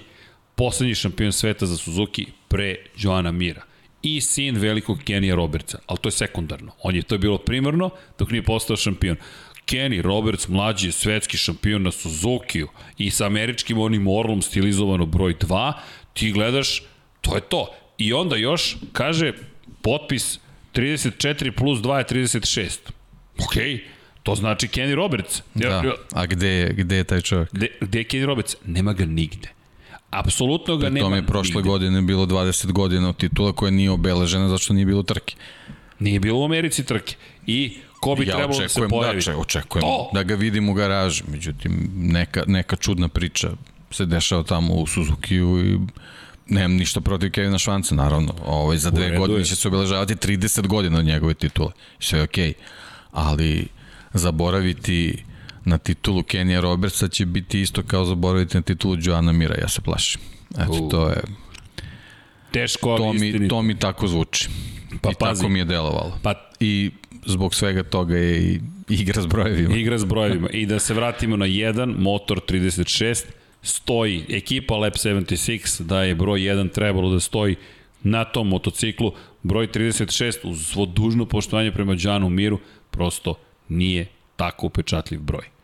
Ti kada kažeš 36, čekaj, ko ono beše nosi broj 36? Ne nama, to je naš posao u krajnjem slučaju, ali da pitaš ko je 36 u MotoGP-u? Uh, Ceo komentar je, uh, broj 46, zna se. Broj 93, zna se. Pa Prosto da, ali ne, ne mogu svi brojevi da budu upečatljivi, jer onda gubi smisao. Tako je, i onda Samo dolazimo neki mogu do da budu upečatljivi. broja 1. E, taj može da bude upečatljiv uvek. I zašto si morao da staviš broj 1? Zato što sada kada gledaš fotografiju sa brojem 36, koji inače, evo, ostavili smo ovo planski da traje koliko? Skoro ceo sat. Da li znate šta se desilo sa titulom Joana Mira pred tri dana? Ona je izgubljena. Joan Mir više teoretski šansu ne može da odbrani svoju titulu. A to niko nije nigde saopštio. To ne postoji kao vest, kao informacija, Joan Mir se na to nije osvrnuo, Suzuki se na to nije osvrnuo, niko Ne nije da rekao... se nisu osvrnuli, nego daju omaš tituli od pre 28 godina. A njegova titula nema nikakav, omaš, nikakav ništa. značaj, to da, Da, ispade da, da. nema. Joan Mir je treći u šampionatu sveta, svaka čast, to je, to je ozbiljno dostignuće, ali ako ste svetski šampion koji brani titulu, to nije dovoljno. On sada zaostaje više od tri pobede zapravo plasiran Fabio Quartararo. Jedine dve osobe koje mogu da osvoje titulu u ovom momentu su Fabio Quartararo, Francesco Banjaja. Ne zamerite što smo se malo poigrali po tom pitanju, ali Joan Mir negde naglašavamo koliko mislimo da je Suzuki pogrešnih poteza povukao ove godine i došao do toga da niko ni ne pita Joan, izgubio si titulu, kako se osjećaš? Joan, šta se desilo između tebe i Jacka Millera? Stvarno, to je najveće pitanje u momentu kada je svetski šampion ostao bez svoje titule. Kako se osjećaš što ste se vas dvojica ponovo zakačili na stazi? To je nevažno. Ako gledamo širu sliku, to je potpuno nevažno. Da, kako se osjećaš kad tebe kao svetsko šampiona drugi vozač hvata za kacigu? između ostalog. Zamisli da si prišao Markezu ili Rosiju i uhvatio ih za kacigu. Nisam siguran ni da bi se osudio da priđeš. A kamoli nešto drugo. A da si se osudio, nisam siguran kako bi se to završilo. To je prilično sam siguran kako bi se završilo. Tako da, veliki zapravo loš dan za Joana Mira i mi, to jest Deki je vodio račun o tome da se priča o švedskom šampionu i, i jeste insistirao da bude 1 plus, to jest 1.36, zato što ima ozbiljno priča o svemu tome, prosto ne može da nam bude glavna tema, Mark Marquez mora da bude tema broj 1, Fabio Quartararo i Francesco Bnjaj moraju da budu tema broj 2, a usput smo se dokačili i priče o Jacku Milleru i Enei Bastianiniju, pa i Andreu Doviciozu smo, spove, spo, Doviciozu smo spomenuli, pa čak i Valentina Rosija. I onda došli do nečega čemu mi dajemo naglasak, a to je taj broj 1. Nadam se da će Joan Mir dobiti veću podršku Suzuki, kao i da će sam reći, ok, ja moram drugačije da se nametnem u celoj ovoj Pa priči. upravo i to, njegovo neko razmišljanje o, o, o, o čitavom boravku u svetskom šampionatu mora malo da bude agresivniji, ako možemo da iskoristimo taj termin, jer on generalno nije agresivan, ali eto, dešavaju se te neke situacije na stazi gde je uvek neka, neka mirođija, ovaj, tako da mora to u, ne, u nekoj široj slici da, da bude malo drugačije. Pa ali lepo si rekao, kao Mirođija, ali ti si skrenuo pažnju Pa više puta mirođija, Mir ođija. mirova mađija. ja, ja, deki. E, dobro je da nemamo trećeg člana večeras. Mislim da bi ovo otišlo takođe na neku čudnu stranu. Vidiš da se trudim da budem ozbiljan večeras, ali mi ne ide. Mir ođija. Okej. Mirova mađija. Dobro, pazi, ovo ne može da se zaboravi. To su one stvari, ne mogu da zaboravim da sam to doživeo ili video. Biće toga još sigurno. Biće toga, ali ti si lepo rekao, u krivinama kako on napada, kako pretiče, to je za pamćenje. To je stvarno Ne, neverovatno. treba mu jednostavno motocikl, Ovaj motor to nije. motocikl koji je kadar da prati ono što on može. On je definitivno možemo da kažemo van serijski vozač. Jeste, ali ako pa ne može da budeš Posebno, šampion, posebno da ne- u, poređenju Jeste. sa Aleksom Rinsom u ovoj sezoni. Pa, pazi, Apsolutno. Mir ima Apsolutno. samo jednu nezavršenu trku. Mir je Alex do pre tri dana bio u konkurenciji za titulu ponovo. Da odbrani titulu. Ponovo je da bio. odbrani Da, titulu, da. pazi. A Alex Rins 70, 81 poen. Joan Mir 175. Mir će imati više od 100 poena prednosti u odnosu na klopskog kolegu do kraja godine. To nije, pri, to nije, to se, to se ne radi. Eto, ha? ha malo sam bravo. izmenio. Da, da. malo sam izmenio. Da, u svakom slučaju hteli smo da skrenemo pažnju na Joana Mira i imam utisak kao da smo jedina ekipa koja je to primetila. Zaista, meni to bilo, meni, meni to frapantno bilo. Bukvalno mi je frapantno bilo da niko se ne bavi time uopšte i, i, i, i mnogo mi je drago i e, uvek i zadovoljstvo i čast što radimo zajedno. Kad mi pošalješ tako neke poruke, či vidim deki da mi piše tokom trke ili sam šta sam rekao ili šta nisam primetio. Čekaj, čekaj, polako. to su mi obično komentari, ali, ali dobro. Gledam, rekao, a okej, okay. ne, ne, to smo spomenuli. Ne, ne, deki, izdali su saopštenje za javnost, ne, sve u redu. I deki kaže, okej, okay, ja odustajem od ove cele teme, ali nam se otvorile kao tema za danas. I da, kada pitaš ljudi, to mi je savršeno bilo kada si rekao ko, čija titula se pamti u Suzuki, Kevin Švanc na keca. Čak smo i mi, ja, ja ću preuzeti odgovornost, napravili grešku kada smo pričali o tome. Prvi šampion od Kevina Švanca i jedan od vaših komentara bio, momci, Kenija Robertsa. Niko se ne seća, a to je sin velikog kralja Kenija, koji je s Yamahom osvojio tri titule za redom i opet se neće, što je opet pitanje i harizme, sreće, okolnosti, situacije i tako dalje. No, idemo i mi dalje. Dalje ka, znaš koga bih ja spomenuo? Mislim da je, da, da, koga ćemo pre? Ćemo Martina ili Zarka? Meni je Zarkova priča takođe važna. Da. Mislim da je činjenica da moramo na silu da ga spomenemo takođe pokazatelj situacije. Pa da, pre svega zbog početka sezone, gde smo stvarno mnogo onako računali na njega. I eto, ovaj, čitav, čitav splet događaja i, i, i, i, njegova na kraju ta operacija, ovaj, eto, nekako su baš eh, napravili negativnu sliku u, u ovom periodu i onda se dešava ova trka koja onako začini sve gde smo očekivali da bi trebalo da baš bude očekivao. bolje, da, da.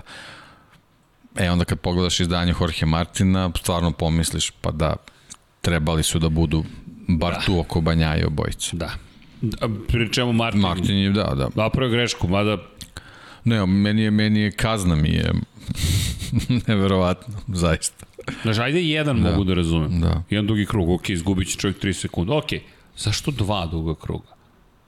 Ne, ne, ne, uveli ste dobru kaznu i sad je polako obismišljavate. Bukvalno, pričat ćemo još o kaznama, ima tu, tu ima velika tema, ali obismišljavate, međutim, i pogotovo što kad pogledaš Banjaja na prethodnoj trci, znaš, to sada se postoji pitanje gde je moment kada se okida, da kažeš, prestup, ali okej, Martin kažnjen, međutim, za meni dalje odvezao sjajnu trku.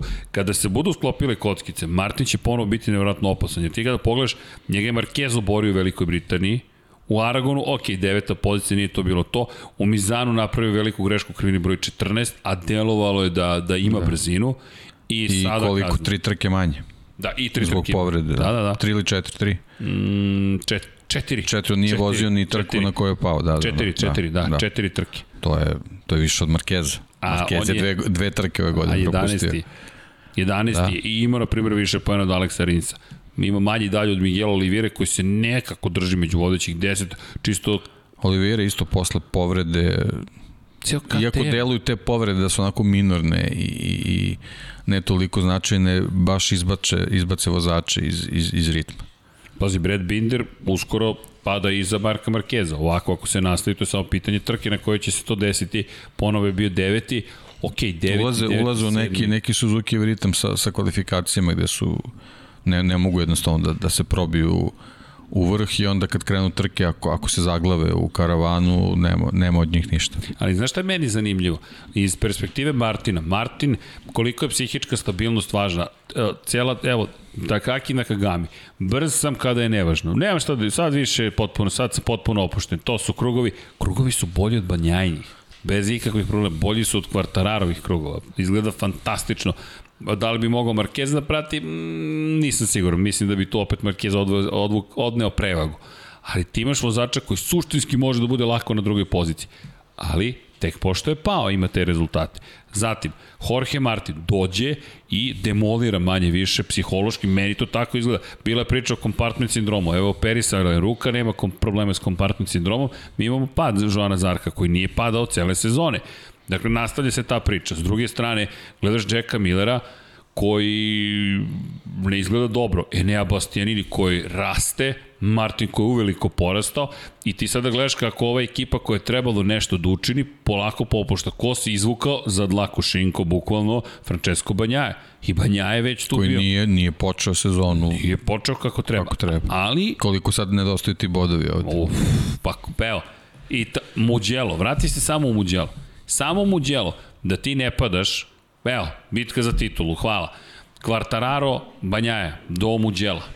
Rame uz rame, jedan uz drugog. I u Muđelu pad, pravi se razlika, održavaš se nekako, onda raste polako u Asenu ta pobjeda, velika nagrada Štajerske, 11. si u momentu kada se na Štajer, u Štajerskoj si nije bio savršen naprotiv Kvartararo. Ducati je tamo pobedio, Jorge Martin.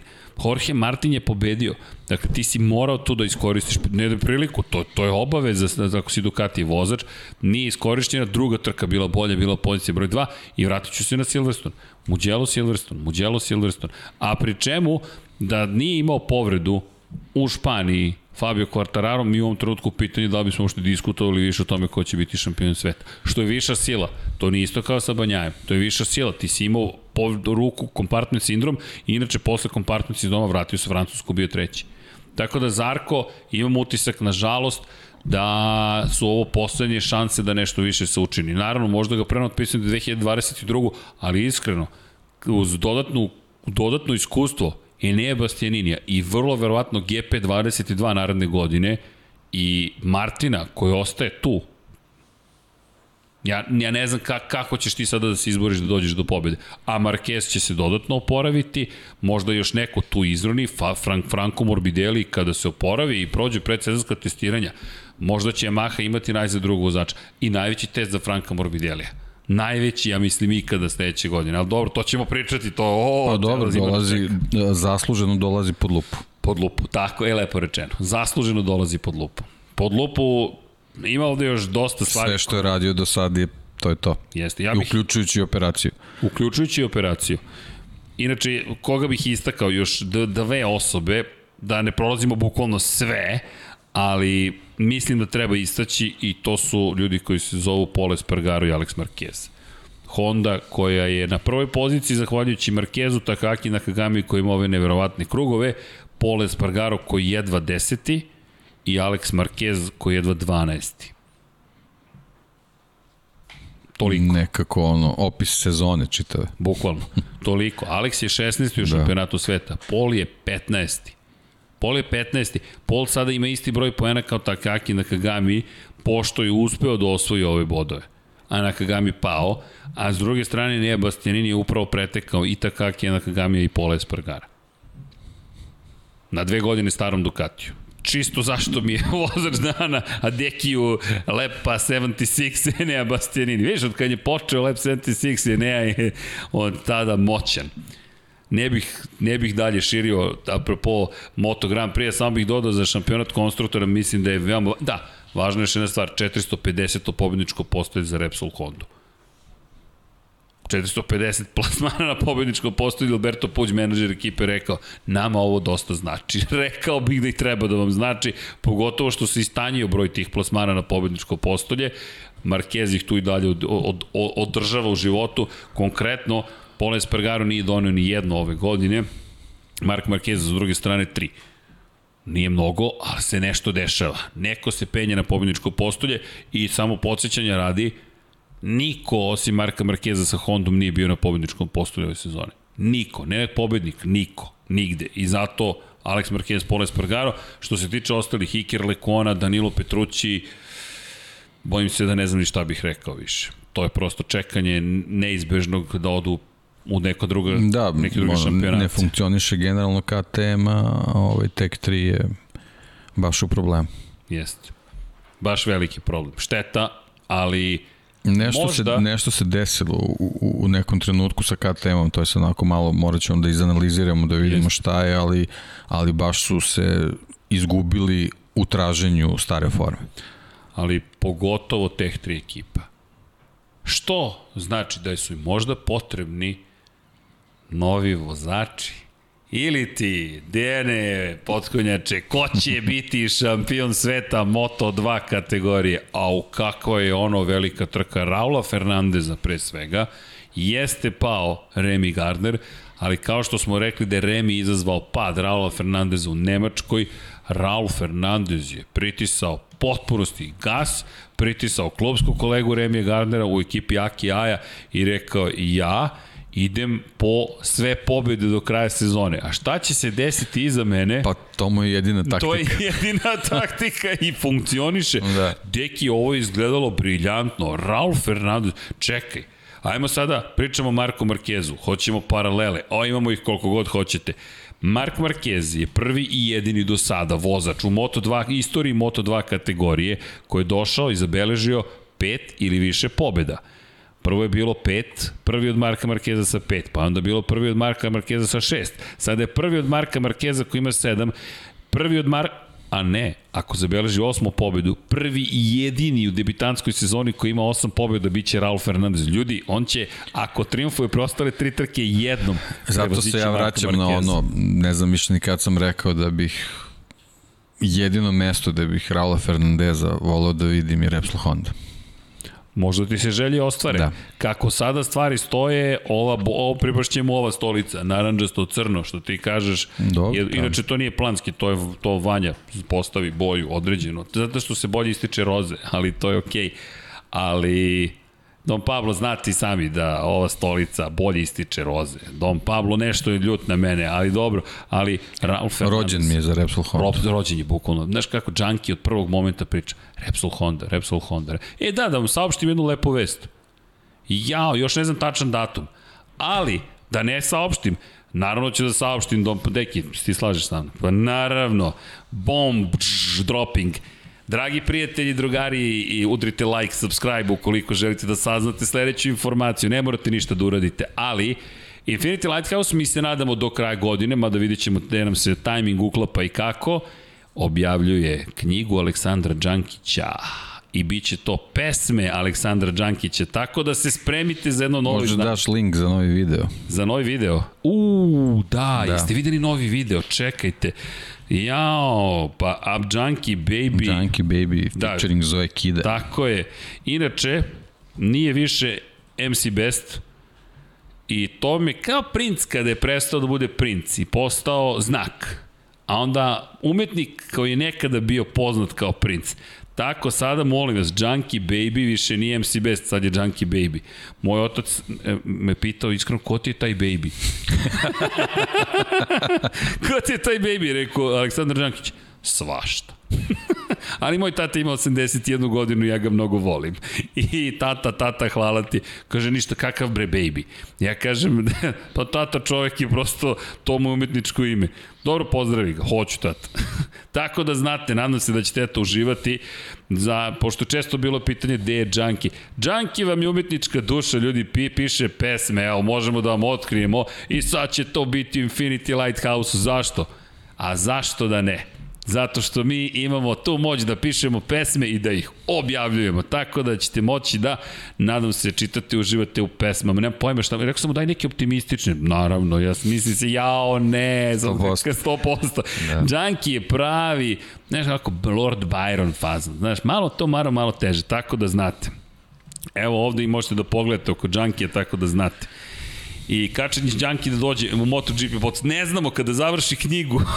Đanki vam je eterična duša, šta vam je, u njega ne može niko da savata. To je često bilo pitanje, pa gde je Đanki? Pa ne znam šta da kažem ljudima. Ljudi ovako, prvo, Đanki ima neki svoj lične momente kada je reč o astmi, kada je reč o alergijama.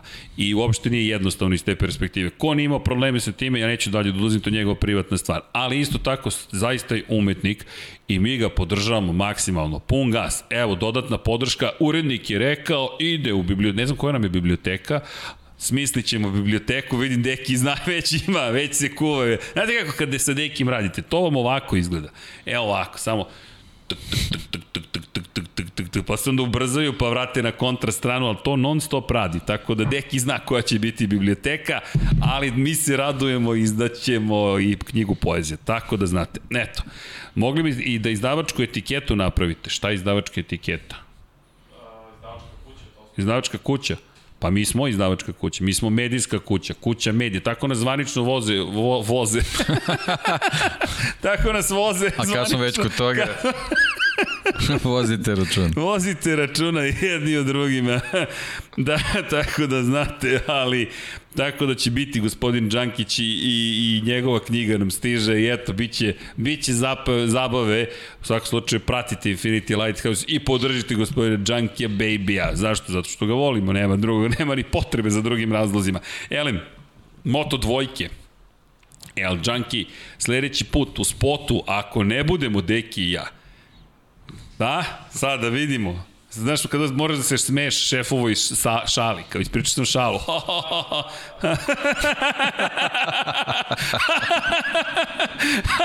Vanja, ti si car najveći na svetu. A, dobit ćeš i bonus, isti koliko je bio prethodni, tako da... E, viš, smeje mojim šalama, to ti kažem.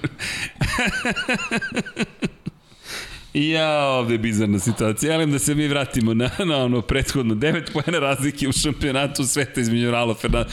Pokrovitelj nas gleda čudno. I Raula Fernandez i Remije Gardner i pogledaj ovo. Žuto naranđasto bilo je izjednačeno Katar, Doha, Portimao, Jerez, Le Mans, Mugello, Katalonija i onda dolazi Saxon Ring i zašto smo ga zašto smo ga spomenuli? Zato što, eto, ta Nemačka je delovala kao moment kada je Remy Gardner napravio ozbiljan iskorak ka tome da bude šampion sveta i hvalili smo ga što završava. U tom momentu pobeđuje u Italiji, Kataloniji, Nemačkoj, drugi, drugi, Ralf Fernandez i ne može da reši pitanje brzine Remi Gardnera neverovatno je izgledalo u tom momentu, ali istinito.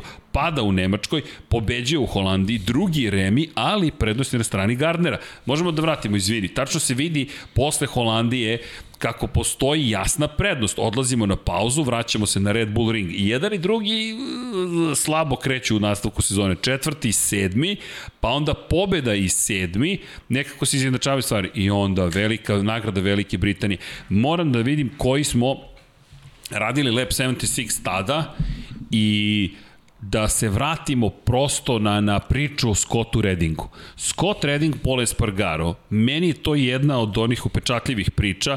Zašto? Zato što ako se vratite na tu sezonu, to je 2013. godina, i pogledate stanje posle Velike Britanije, samo da mi, evo ga, Scott Redding, 192 poena, 154 poena Pole Spargaro.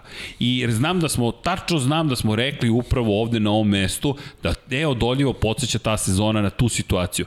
Gde Džanki ovako sedimo i razmišljamo, čekaj, ovo je sada 38 poena prednosti, posle jedne pobede velike na domaćem terenu uz gromoglasni aplauz, urlik, proslavu britanske publike, ti si potencijalni šampion Moto2 klase. Scott Redding, nemojte zaboraviti, to menja karijeru. Nije Pola Espargaro šampion, nego Scott Redding, to menja karijeru. Redding ima Mizano, Aragon, Maleziju, Australiju, Japan i Valenciju. Ne, nije najveća prednost koju ste ikada videli, ali Scott Redding te godine, tri pobede. Tri pobede. Četiri ima ove, četiri, četiri ima pobede. Remy Gardner, šest pobjeda, ups, sedam pobjeda sada ima Raul Fernandez, a ti si pao u momentu kada to ne smeš da učiniš psihološko stanje, ne znam kako će biti. Ali Remi je izgubio Mizanu i bio na granici da padne. Već tada je bio na granici da padne u Kurvone u poslednjem krugu i rekao, uf, izvukao sam se. U Aragonu, pozicija 2, pobeda, pobeda, pobeda umeđu vremenu za Raul Fernandez i Deki, ta potreba da pobegneš i šta smo rekli na početku trke, ako ponovo se zaglavi u, u gotovo nevažnim bitkama sa sporijim vozačima, drama. Problem je kad ga izbaci iz ritma jednostavno to ne sme, ne sme da dozvoli. Ako je u ritmu, to je, to je ok. Čim, čim dolazi u neke duele, tu sam primetio da, da, da i ako ih reši, jako teško se vraća, vraća u taj ritam. To, to je taj, taj problem koji ne sme, ne sme da priušti. To ti je kao na gitari, neko svira, prekinu ga, ne zna kako da se vrati nazad ili ritam, bub, sekcija bubanj kada neko svira i ako promaši ne znam kako da se vrati Da, nazad. trka, trka u Austriji je bila, bila primjer da je, Jeste. on, on je lutao stazu. Bukvalno je lutao stazu. Dakle, to je to. Ako povedem ili sam drugi, a niko me ne uznemirava, okej. Okay. Ali u ovoj situaciji, pri čemu on je došao Pa mo, na može da ga poziciju. uznemirava, nije, nije problem, nego samo da, da mu se ne, ne kvari ritam. To je problem. On čak, čak nema problem ni, ni kad se zame, e, smenjuju mesta, kad se smenjuju pozicije. Ali je Ali ako se ritam kvari, on, on je u problemu da, da se vrati. U, a pritom Raul sa Raul svojim tempom nastavlja i odlazi. Melje. I onda, onda Ali- tu ima problem. I to se desilo u Mizanu, on nije uspeo Jeste. da ga stigne, ali... ali E, to sam teo ti kažem, čak ni da melje, čak ne mogu da kažem da melje. Nije to, nije to kao Marquez koji te Nije, pretekne nije, ne, i, i bukvalno te samelje. Ne, ne, Ralf Fernandez je ostavio prostora da ga se sustigne. Ti tačno vidiš da on ne može da pobegne u prvim krugovima. Pa ne može. tu je možda i njegov strah od pada. Možda, možda je njegov psihologija tu igra pa, pa se desi to. Evo krugova.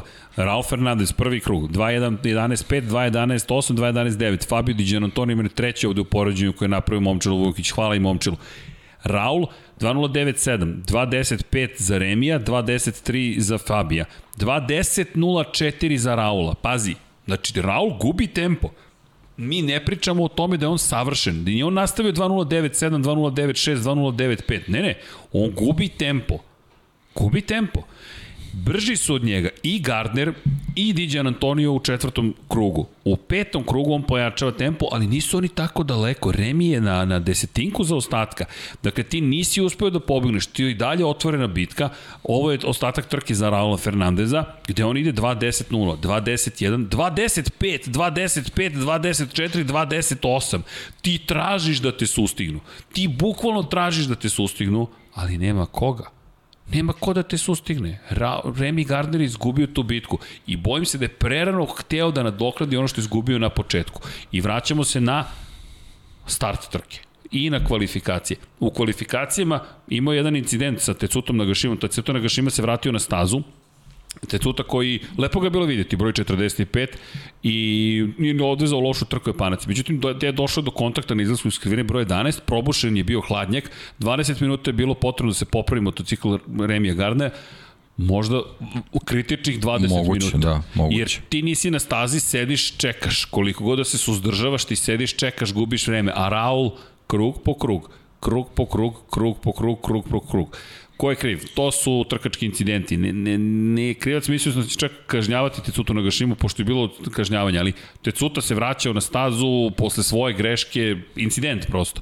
Kako god, detalji odlučuju i još ulaziš u, u tuču sa Fabijom Di Giannantonijom, koji neha je za tvoju titulu, toga potpunosti ne zanima, koji treba da ide u Moto Grand Prix i koji odavno nije izgledao dovoljno brzo. Ponovo bljesak, da. Da, ali ja, ja mu ne verujem. Kad je rekao, evo, vratio sam Ne, se, ne, kao ne. DJ is back. Ne.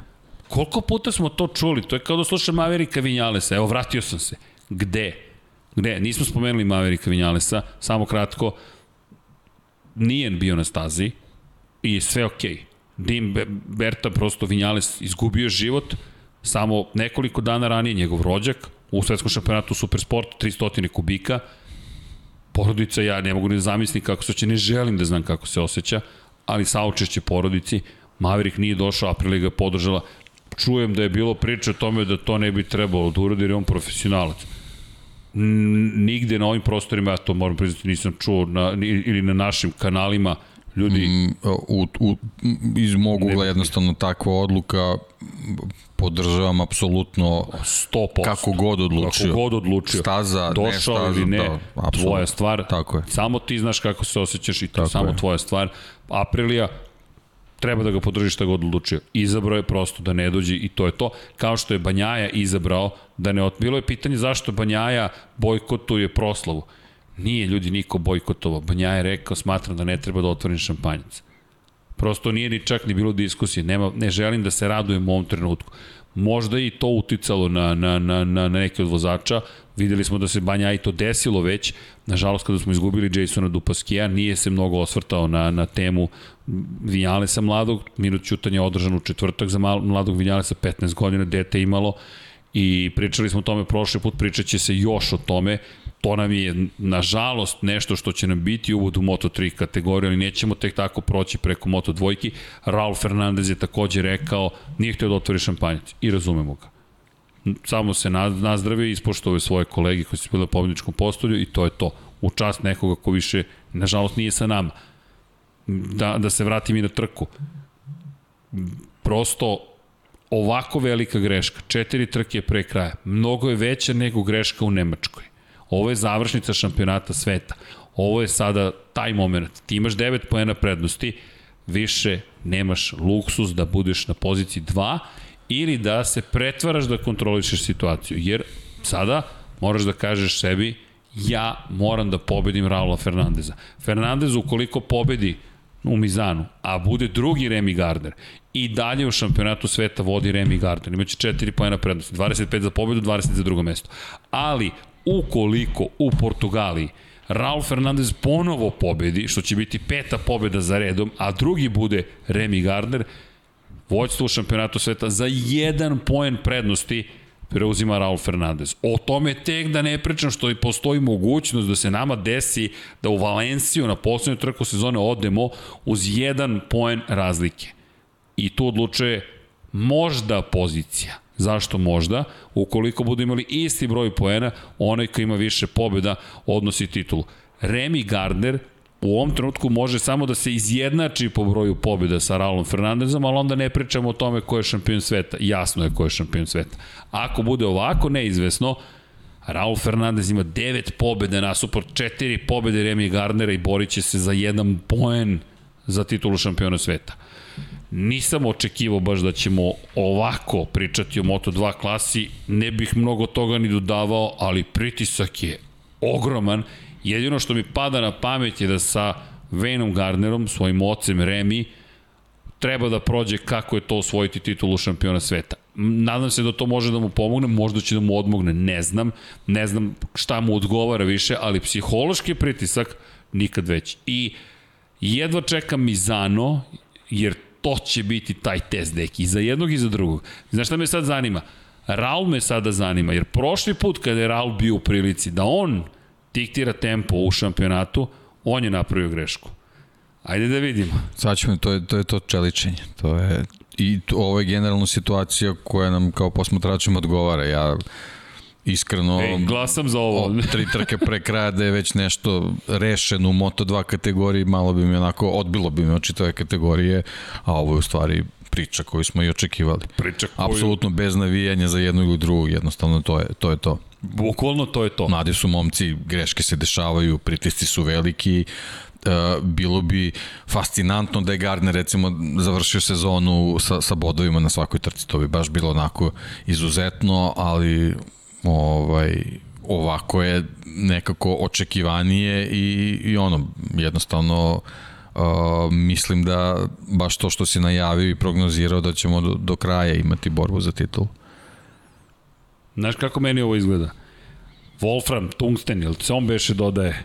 U, u čelik, tako nešto beše, zaboravio sam, ali ko će sada, oni su čelični već, imaju čelične živce, nekada i čelične ramove, kao u slučaju KTM-a, iako su ovo Kaleksi, Pa ajde da vidimo ko je uspeo da napravi novu strukturu, ko je Leguru novu napravio, da li imamo novog Raula Fernandeza? Pritom nije, ne? ovaj, nije, nije bitka samo između njih dvojice, mi ćemo tu imati sigurno u Mizanu 3-4 vozača koji će se italijani, pojaviti možda. tu. Da, da, možda pa da, italijani, da, da. možda Marko Beceki, možda Fabio Di Gian Antonio, možda neki treći, jer prednost domaćeg Možda neki terena. Sam Lowe's. Me, smem da glasam za nešto? Prednost domaćeg terena, deki. Cameron Bobije. Čekaj, Cameron Bobije, dobrodošao u Moto2 kategoriju. Moje oduševljenje je apsolutno na milion, zahvaljujući onome što radio Cameron Bobije. Gledaš čoveka koji je nekako, neću reći zaboravljen, ali znam zašto ga ističemo cele sezone. Kao Dosadnjaković, Cameron Bobije, Cameron Bobije, Cameron Bobije. Ljudi, on je osvojio pet titula šampiona Amerike u Superbajku. Ne, nije kategorija koja je na nivou svetskog prvenstva, ali osvojiti titulu u bilo čemu je velika stvar. On je pet puta uspeo to da učini. Pri čemu, zaboravljena istina, 2009. godine on sedi u garaži sa Markom Markezom. Kamerom Bobije, klinac, Mark Marquez, klinac, oni sede zajedno. Gde? Zamislite u ekipi Aki Aja, ko se danas bori za titulu šampiona sveta u Moto2 klasi, vozači Aki Aja, ko se bori inače u Moto3 kategoriji za titulu šampiona sveta, vozač Aki Aja. I kamerom Bobije je momak koga je Aki Ajo izabro između ostalog da vozi sa Markom Markezom. I kamerom Bobije je nestao posle toga. Nije imao podršku, vratio se Ameriku. 28 godina ima, 10, ne, ne, 12 godina kasnije ti kažeš imam pet titula šampiona Amerike, ovde sam poštovan, zna se ko je Cameron Bobije, idem tamo gde niko neće znati ko sam, osim što će se povremeno setiti da sam bio na KTM-u. Inače, taj KTM iz 2009. to volim da ističem, je imao KERS sistem. Na prednjem točku Mark Marquez je bio toliko lagan, to je toliko mu je bila niska telesna masa da su stavljali KERS na prednji točak i tako dolazili do minimalne težine zapravo, imali su mogućnost da se igraju sa balastom i generišu električnu energiju koju je Marquez mogao potom da oslobađa na zadnji točak. Zamislite samo taj koncept. Oni su to razvili negde oko 2,5 ili 3 kg bio težak sistem. Napred, pošto prednja kočnica obavlja gro posla, generišeš električnu energiju, pakuješ je u malu bateriju, mala baterija se samo otvori i ti dodaš gas na zadnjem točku. To su istestirali i Dorna rekla stop, nema hibrida, gasi program i to je to. I to na, na dvotaktnom motoru. Deki, hibridni dvotaktaš, pa to samo KT može da izmisli. Čekaj, hibridni dvotaktaš, fantastično. Još uz onaj miris, ma, e da neko mi je što sam rekao kerozin. Nije bukvalno kerozin ljudi, ali kao da ste izašli na, na pistu, to je takav miris. Ne, mislim da bukvalno sipaju kerozin, ne, ne, nemoj, nemojmo banalizovati ljudsku komunikaciju.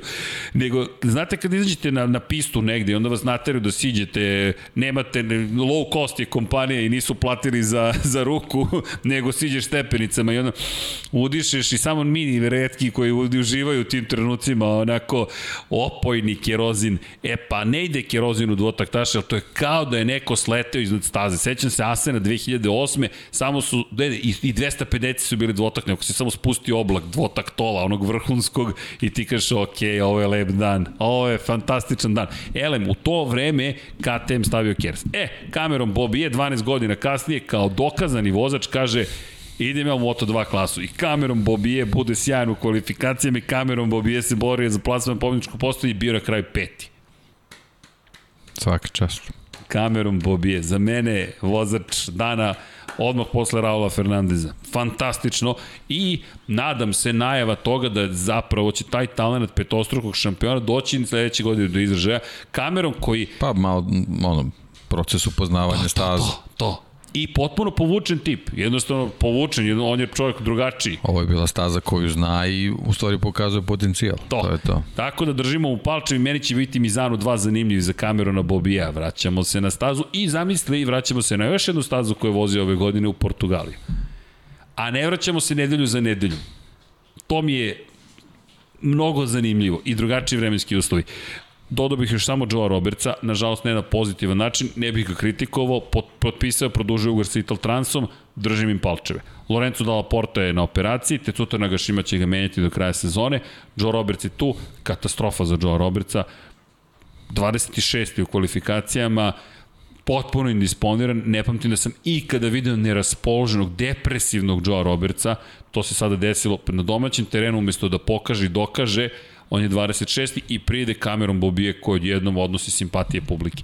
Nije lako, ali čeličenje je u, prot, u toku. I da se vratimo na čeličenje, deki, ko će da otvori Moto3 kategoriju? Čime ćemo da otvorimo Moto3 kategoriju? Obično pretrčimo kroz Moto3 kategoriju i kažemo, ok, desilo se to, to, to i to, ajmo da vidimo analiza, volimo kategoriju. Deki, svi su živi. Ajde da krenemo od toga. Svi su živi. Za one koji ne znaju, katastrofa na stazi Kota. Džan Ondžu,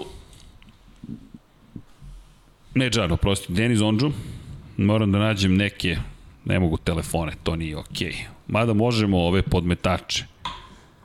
Imamo tri podmetača, bit će mi potrebni. Imamo jedan motocikl, ne znam čiji je bio motocikl ispred Džana Ondžu. Imate drugi motocikl, ovo je Jeremy Alcoba. Ovaj zaboravite, pošto nemam tri ruke još uvek. Pa da, Denis Ondžu dolazi. Ima zavetrinu na zadnjem pravcu. Kreće u preticanje, ide, ide, ide, ide, ide. Ne zaboravite onaj prvi podmetač i želi zavetrinu prvog podmetača. To jest, nažalost, u ovoj situaciji pričamo o ljudima na motociklima, od 250 kubika, četvorotaktnim, koji razvijaju 240 km na čas na zadnjem pravcu. Vraća se, zakači Jeremy Alcobo. Jedan vozač doleće Andreja Minjo, drugi vozač doleće Pedro Acosta. Pričati o njima kao podmetačima je strašno, zastrašujuće. Oni su se svi podigli i vratili u svoje garaže. Pričat ćemo o rezultatima, kako smo došli do njih, ali deki, meni zaista nije bilo dobro u trenutku, ne znam kako je bilo tebi, ono je bilo strašno. I krenut ću od Deniza Ondžua, suspendovanje na dve trke, iako je objasnio kako iz njegove perspektive to izgledalo, strah u očima Andreje Minja, šok kod Pedra Koste koji se nekako smejao grba koja je odradila posao. Bravo svima, da Ineze, Alpine Stars, koga god da ne spomenem slučajno, ljudi, ja, ja sam zahvalan što im su ljudski životi spašeni. Kacige, o kacigama tek da ne pričamo, ali pride, ona grba našta je ličila kod Pedra Koste, posle onog ateriranja bukvalno, ne, ne, ne, ne postoje adekvatan komentar. Pa, ono su bili letovi. Letovi. Bukvalno. Da. Bukvalno su letili. Lansirani ljudi, bukvalno na zadnjem pravcu, još Akosta koji završava u odbojnoj ogradi i ona čuvena priča ko je iza uvek pada praktično u toj situaciji. Prednji točak kad vam neko skine, to je kraj priče. Srećom da su svi živu glavu izvukli. Srećom. Kao bojno polje ono izgledalo. Raznešeni bukvalno motocikl. Mm, Sreće u nesreći je bilo što je bilo na toj stazi koja je jako široka na tom delu. 15 metara. 15 metara, bukvalno. Znam da smo Džankija diskutovali dalje, staza, ne staza, pe, ne možeš, šir, ne možeš šire od toga da napriš. 15 metara ljudi je dato. To tri Formule 1 mogu da stanu jedne pored druge. I to je u stvari problem sa man manevrom ovaj, Denis Ondžo što je na to, takoj širini te staze uspeo da, da uradi to što je uradio i, i nažalost to su situacije koje mu se ponavljaju.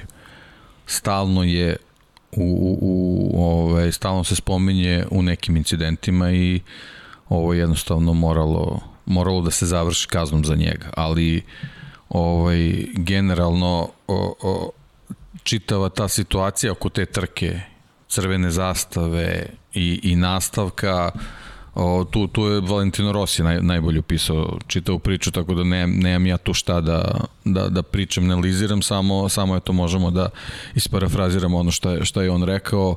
O, kazna apsolutno stoji zbog neke istorije generalno Onđo kao momka koji se nalazi u tom šampionatu, ne možemo da pričamo kao mladom dečku zato što su jednostavno svi, svi tamo su tamo su mladi, sa svakom trkom oni stiču ogromno iskustvo, znači neverovatan, neverovatan je tempo u kojem ti mladići moraju da, da, da sazrevaju, ali jednostavno ovaj, kompletni vozači moraju da imaju i taj, i taj element da u svakom trenutku na stazi da znaju, znaju gde su i da moraju ozbiljno da vode računa o rivalima, posebno ova crna sezona jednostavno uh, dodatno nameće taj teret i, i tu obavezu i zbog toga je ova kazna po meni potpuno primerena što, što zbog njega, što zbog drugih kao eto neki, neki primjer i opomena da moraju malo više da vode računa. To je, to je jedna od stvari s kojom se i, i Valentino Rossi složio, a druga stvar na koju on posebno ovaj,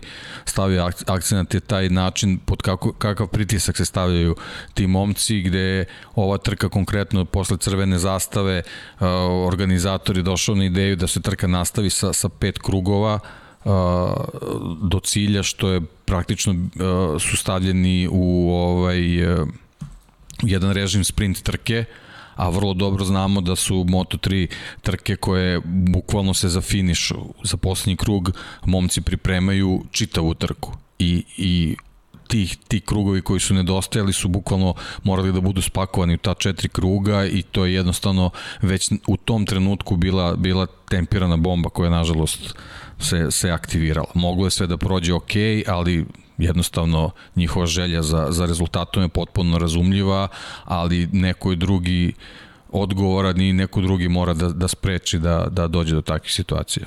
Da, evo, ima kratko, nemam šta da dodam. Lepo si rekao, Valentino Rossi je rekao, moje mišljenje je bilo da je trkački incident, u kom kontekstu, da je Onđu u toj poteri za pozicijom napravio grešku, slažem se s tobom, to je moj, nisam reagovao, a ne, šta je John Ju, ajmo polako, zašto? Zato što iz iskustva, sobstvenog čovek sam, znam koliko mene ponese od straha šta učini čoveče, ali ajmo polako da sagledamo kasnije. I pogledao sam ponovo incident i šta se desilo, slažem se s tobom, nema tu šta da se doda, ima da se doda par stvari samo, a to je da se istakne, ne bih da se dodam, da naglasim, da stiču iskustvo. I ti sada već imaš dovoljno trka iza sebe, moraš da znaš moram pogotovo... Oni, oni imaju beneficirani staž. Da, oni imaju beneficirani staž to je stvar koju moramo da imamo na umu kad pričamo o njima. I moraš, Posebno to, to i maloletne deci. Pa, pažljivije da voziš pogotovo u ovakvoj sezoni kao što previše je bilo tragedije, previše je bilo incidenta, previše ružnih momenta. Onđoa takođe mislim da je stigla reputacija, zasluženo, jer... Ja kažem, nisi ti slučajno uvek ti tu. I ima još jedna stvar. I to mora se preseći u nekom trenutku. Toliko puta se desilo da pazi, zašto ne spomenjemo pet puta nekog drugog? To znači da ti voziš na granici onoga što je dozvoljeno. Kada voziš na granici dozvoljenog, ljudsko si biće, velike su šanse da ćeš napraviti grešku. Kod nekih drugih greška se ne vidi toliko. Znaš šta mi je zanimljivo? Mark Marquez je opisao Aragon, pred, dao intervju pre trke u Americi, gde je rekao način na koji sam napadao Banjaju u Aragonu je bio takav da sam ostavljao mnogo više prostora i sebi i njemu, baš zato što sam toliko puta pao i ne samo to, često se, pa i to Michele Fabricio šta je rekao za, za Markeza, da, da, da, da je zapravo on posredno odgovoran za, za pogibiju Vinjalesa, svi su rekli to je neprihvatljivo. Mislim, tako uopšte opisati u toj situaciji, u tom momentu, to ne. Ono što je problem, i to, se, to je Simon Peterson iz The Race lepo rekao, izgubila se poruka Mikelea. Jednostavno, on se toliko fokusirao na Markeza da se zaboravila šta je hteo čovjek da kaže, a to je da moramo da više vodimo račun o ljudskom životu. Tako da, nesrećan izbor možda poređenja, ali Markeza šta je rekao? Napravio sam veliku grešku u Silverstonu šta sam ja mislio da moje telo može da učini, Nije, bio, nije on ni pokušao da uradi ono Martinu što učinio, pa je oborio i Martina i sebe. I rekao je, ja sam u glavi video šta treba da uradim i moje staro telo bi to učinilo. Ja sam sada poslao poruku telu da to uradi. To se nije dogodilo. Marquez, mogu samo da pretpostavim na osnovu njegovih izjava, to su vam za delić sekunde možda zakasnile reakcije. Pretpostavljam da je problem sa nervima, o čemu smo dosta diskutovali. Nažalost, prošao sam kroz tu situaciju, srećem, oporavio sam se, ali verujte, dođete u situaciju, ja sam to iskusio na gitari, niko nije ugružen nešto kao pokušavam da sviram i sve sam sporiji i sporiji i sporiji i sporiji ne mogu da odsviram. Ja šaljem poruku i ja imam utisak da će poruka... Glava svira. Glava svira. Ne, ne, ti, ti si ubeđen da tvoji prsti to rade, ali zvuk koji dobijaš je čudan, spor, ne funkcioniše I to nije samo na nivou kao kad odeš na futbol, bio si kao klinac pa šutneš loptu ili potrčiš kao ću sad da stignem loptu i onda nesreća da se desi da neko okači GoPro i snimi vas. I vi kao, ajme da vidimo kakva je bila tekma. I kažeš, gasi ovo, gasi ovo, ovo, u tragediju, u tragikomediju, gasi, ono stomaci lete na sve strane, spor si, misliš zatrčao si se, ono pucaju kolena, ligamenti, jezivo izgleda. E, kod Markeza koji je super... To kao kombajn, znaš. Hvala ti, deki. Kad je gledao posle, kao... joj, joj, joj, joj, šta ću da vam uradim u sledećem kombajnu? Evo, Don Pablo se smeje. Jao, Vanja, jao, kad izađe kao broj jedan iz svih disciplina. Brzina, jačina, snaga. Eksplozivnost. Nasmej se. Ali, Marquez je vrlo ozbiljno rekao, ja nisam mogao to da uradim. Ja nisam mogao to da uradim. Gde me to dovodi? Dovodi me do, do, do bukvalno toga da ako jedan Mark Marquez kaže ja moram da promenim način na koji vozim zbog drugih i zbog sebe, Denis Ondžu jeste klinac, mora već da zna u razgovoru sa svojom ekipom, pogotovo posle ovoga, moraš da ostaviš više prostora drugima. Ne možeš da voziš na milimetar. Malo sam se vratio u neka stara vremena i shvatio... Ne možeš da vodiš računa samo o svojoj putanji. Tako je. Tako je. Vratio sam se u neka stara vremena, razmišljam, čekaj, vozilo se. To ne znači da je bilo dobro, zato što se tako vozilo. To znamo znači da se tako vozilo. I ovo je samo podsjetnik surovi meni i svima, ej, ljudi, polako, stani, daj ta deca da stignu na cilj, pusti treću, drugu, četvrtu poziciju i jamo da uvedemo neki kodeks ponašanja. Preteko si Alkobu, nemoj odmah da se vratiš, polako. Nastavi nekim svojim putem. Pa, pričali smo od Barcelona. Barcelona, da evo, znam, ti si rekao, ti si izjavio nedelju kad smo se čuli, Srki, Barcelona. Na sve strane, svako radi šta hoće. Tamo smo se izvukli. Ovde smo se izvukli. Ovde smo se izvukli. Ovde smo se izvukli. Nažalost, ove godine na previše trka se klinci nisu izvukli. I to mora da se jasno pošalje, tako da se apsolutno slažem s porukom da li je Onđu taj koji će biti primer, hoće svakako. Ali i sam je doveo do toga da zasluži da bude primer. Tako da Denis Onđu, žao mi je, ne želim da ja bude... Ja samo nadam da će i on iz ovoga izvući je. pozitivnu poruku. Ne želim poruku, da bude razapet, bukvalno da sad od njega napravimo ne. najgoreg. Ne. Posebno zato što se završilo ovako tako srećno je. kako se završilo. I on ali... treba da bude srećan, tako je. ali on takođe je neko kao profesionalni vozač, klinac, tako da okej. Okay. Svi su klinci. O, tako je, ali samo hoću kažem, odslužit će svoju kaznu, I kao Romano Fenati, koji u ovoj klasi, koji je dobio ugovor sledeće godine da ode, to smo najavljivali da će se desiti u speed up, ovaj momak nema šta da traži drugu šansu, već ju je dobio. Dobro si spomenuo Fenatija. Uh, sad, ono što je on uradio, deluje bezazleniji od ovoga. Tako je. Ista je kazna bila. A, a pazi. Dve, dve trke suspenzije. Mislim da je Fenatija trebalo više kazniti tada i on da. je kasnije suspendovan, oduzeta mu da, licenca je krenulo, jer je da. publika reagovala. I trebalo je da reaguje zašto? Gde je problem i ogromna suštinska kritična razlika između Fenatija i Deniza Ondžua, ono je bilo s namerom. Tako je. Tako ti je. kada imaš nameru, ti ideš na ubistvo praktično s namerom. Onđu nije imao nameru. Apsolutno ne. je bio nepromišljen. Ma, apsolutno ne. Da, I kada odsluži svoju kaznu i vrati se na stazu, odslužio si je. Ali ako ponoviš, e onda se postoje pitanje da li ti je mesto uopšte na stazi. On ti se stvarno postavlja pitanje da li ti je mesto na stazi. I mislim da će ovo uticati ozbiljno na njegovu karijeru, jer si ti sad obeležen. Kao Roman Grožan svoje vremeno. I bio je, kako, kako se zvao, ja sad, Juki Ide beše, što je vozio za, za Super Aguri. Da. Njega su izbacili da, da, da, šampionata. Ma Ček, tako beše? Takinu je bi... Ne, ne, ne, ne, ne. ne, ide... Ne, ja Ček, treba sad da, da se seti. Sad ću da probam da nađem. Ali ali činjenica je da to mora da bude, nažalost, neko mora da bude... A pričamo o četvorotočkašima. Pričamo o četvorotu, zamisli kad ti dođeš do, do, do tog stadijuma grešaka. A ovde je još veća mogućnost. Ali, kažem, idemo dalje, dobio je svoju kaznu, smat, mi smatramo da je adekvatna. Juji ide. Juji ide, jest. ide, da. Koji je bio opasnost prosto opasnost. Zašto se o Kimi Raikkonenu pričalo toliko kada ulazi u Formulu 1? Čekaj, imaš 20... Izgubio je FIA super licencu. Tako je. I imaš uh, 23 trke, da li si ti dovoljno sposoban da voziš ovde? Ok, ispostavilo se da je jedan van serijski talent u pitanju, ali legitimno je bilo pitanje. Čekaj, 23 tri, tri trke u jednosedima i ti sedaš sada u Formulu 1. Ok, ispostavilo se da je Kimi neko poseban, ali, ali idemo dalje. Da, trebamo kažem, uh, zašto se desio preki trke?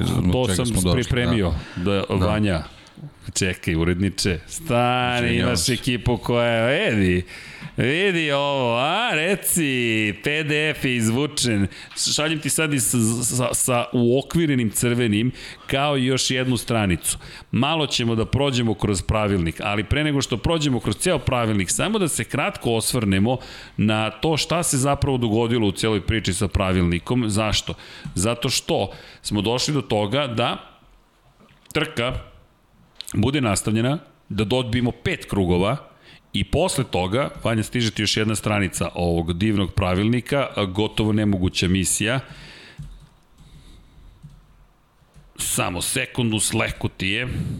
Palo mi je na pamet, deki, dok si pričao, ovo moramo da prikažemo. Pokušao sam da pročitam tokom prenosa i shvatio sam zbunio samog sebe. Bio sam, kako je istrađene, ajmo sada, 1, 2, 3, 4, 5, 6, 7, 8, 9, 10. Džankić me gleda i verovatno, i, po, i verovatno razmišljao šta pokušavaš tačno, pošto ovo mi čitamo bukvalno, poslao sam ti drugu stranu, a poslao ću ti sada još jedan detalj, a to ti je zapravo šta hoću da istaknem. Ima par stvari koje treba istaći, upravo ti stiže treća slika. Obratite pažnju na član 1.26, samo da se podsjetimo. Posle tog incidenta mi započinjemo novu trku koja traje pet krugova koja traje pet krugova, ne, ne posle tog incidenta, e, izvinjam se, mi imamo pet krugova, ko je to bio beše krug? Krug, vraćamo se na krug, zaboravim se na koji smo se krug vratili. U svakom slučaju, pozicije koje u tom trenutku zauzimamo su pozicije koje mi imamo za početak praktično nove trke. Filip Salač je bio taj zbog koga smo zaustavili prvu trku. Dakle, da se setimo, Filip Salač je pao, izleteo sa iskrivine broj 11 i medicinsko osoblje je bilo pokraj piste. Filip Salač je, pružena mu je prva pomoć. Imali smo dva minuta da ne dođe do crvene zastave, međutim medicinsko osoblje nije moglo bezbedno da skloni češkog vozača sa staze i Filip Salač je ostao pored piste. Kako ne bi ugrozili bilo koga, aktivira se crvena zastava. Sve. Okay. Zatim, nastavljamo trku, imamo trku sprint, trku pet krugova u kojoj se dešava ovaj, ovaj, ovaj haos, znači katastrofa bukvalno i dolazimo do pravilnika koji se nalazi u rukama kasnije Gina Borsoja. To je žuta knjiga. Kada vidite žutu knjigu, nju ne možemo da kupimo, dakle ne možemo da uvezemo pa da ne, ali možete da skinete, poslaćemo vam i link za ovo, dakle možete ga naći, upravo ću sada Vanja ubacit ću u chat, čisto da znate, evo ga, dakle imate u chatu link ka celokupnom pravilniku, strana 74, dolazimo do toga da, inače pao je konačni pobednik trke je izleteo sa staze pre nego što je završen ovaj krug i mi smo došli u situaciju da zapravo pričamo o tome da Izan Gevara još jednom ima peh, odustao, odustao, ali Izan Gevara je zapravo bio u momentu kada je završena prva trka na poziciji broj 1. Startuje sa pol poziciju u trci broj 2. Elem, Gino Borso i predstavlja ekipu za koju vozi Izan Givara. Gas, gas, Jorge Martinez za spar ekipa. U njoj je i Sergio Garcia koji inače morao da odustane od trke pošto se povredio u petak i nažalost imao je hematom na bubregu, levom bubregu. Vrlo ružan incident, vrlo ružna povreda. Posle možemo da se vratimo na ovo, doći ću Vanja, očigledno nam treba ipak uvod. Hvala. Dakle, imamo odsustvo Serhija Garcia, što je važno iz perspektive bitke za titulu šampiona sveta. Garcia i Denis Fođa u odnosu na Pedra Costa zaostaju 42 poena. Denis Fođa vozi za Leopard Racing, Miodrag Kotru vodi Leopard Racing. S druge strane imamo Aki Aja koji vodi ekipu Pedra Koste. S treće strane imamo Gina Borsa koji predstavlja ekipu Jorge Martinez za Spar. S pete strane imamo Maxa Bjađija iz Husqvarne, mada njihov interes nešto nije bio pretarano velik, pošto su rezultati bili problematični. Ali, čisto da znate ko su ljudi koji se tu pojavljuju. To su To je super teška kategorija. Dakle, to je teška, super teška su svi koji su u MotoGP-u, ali to je teška kategorija politički vrlo ozbiljnih ljudi. Ko vodi ekipu za koju vozi Denis Ondžu?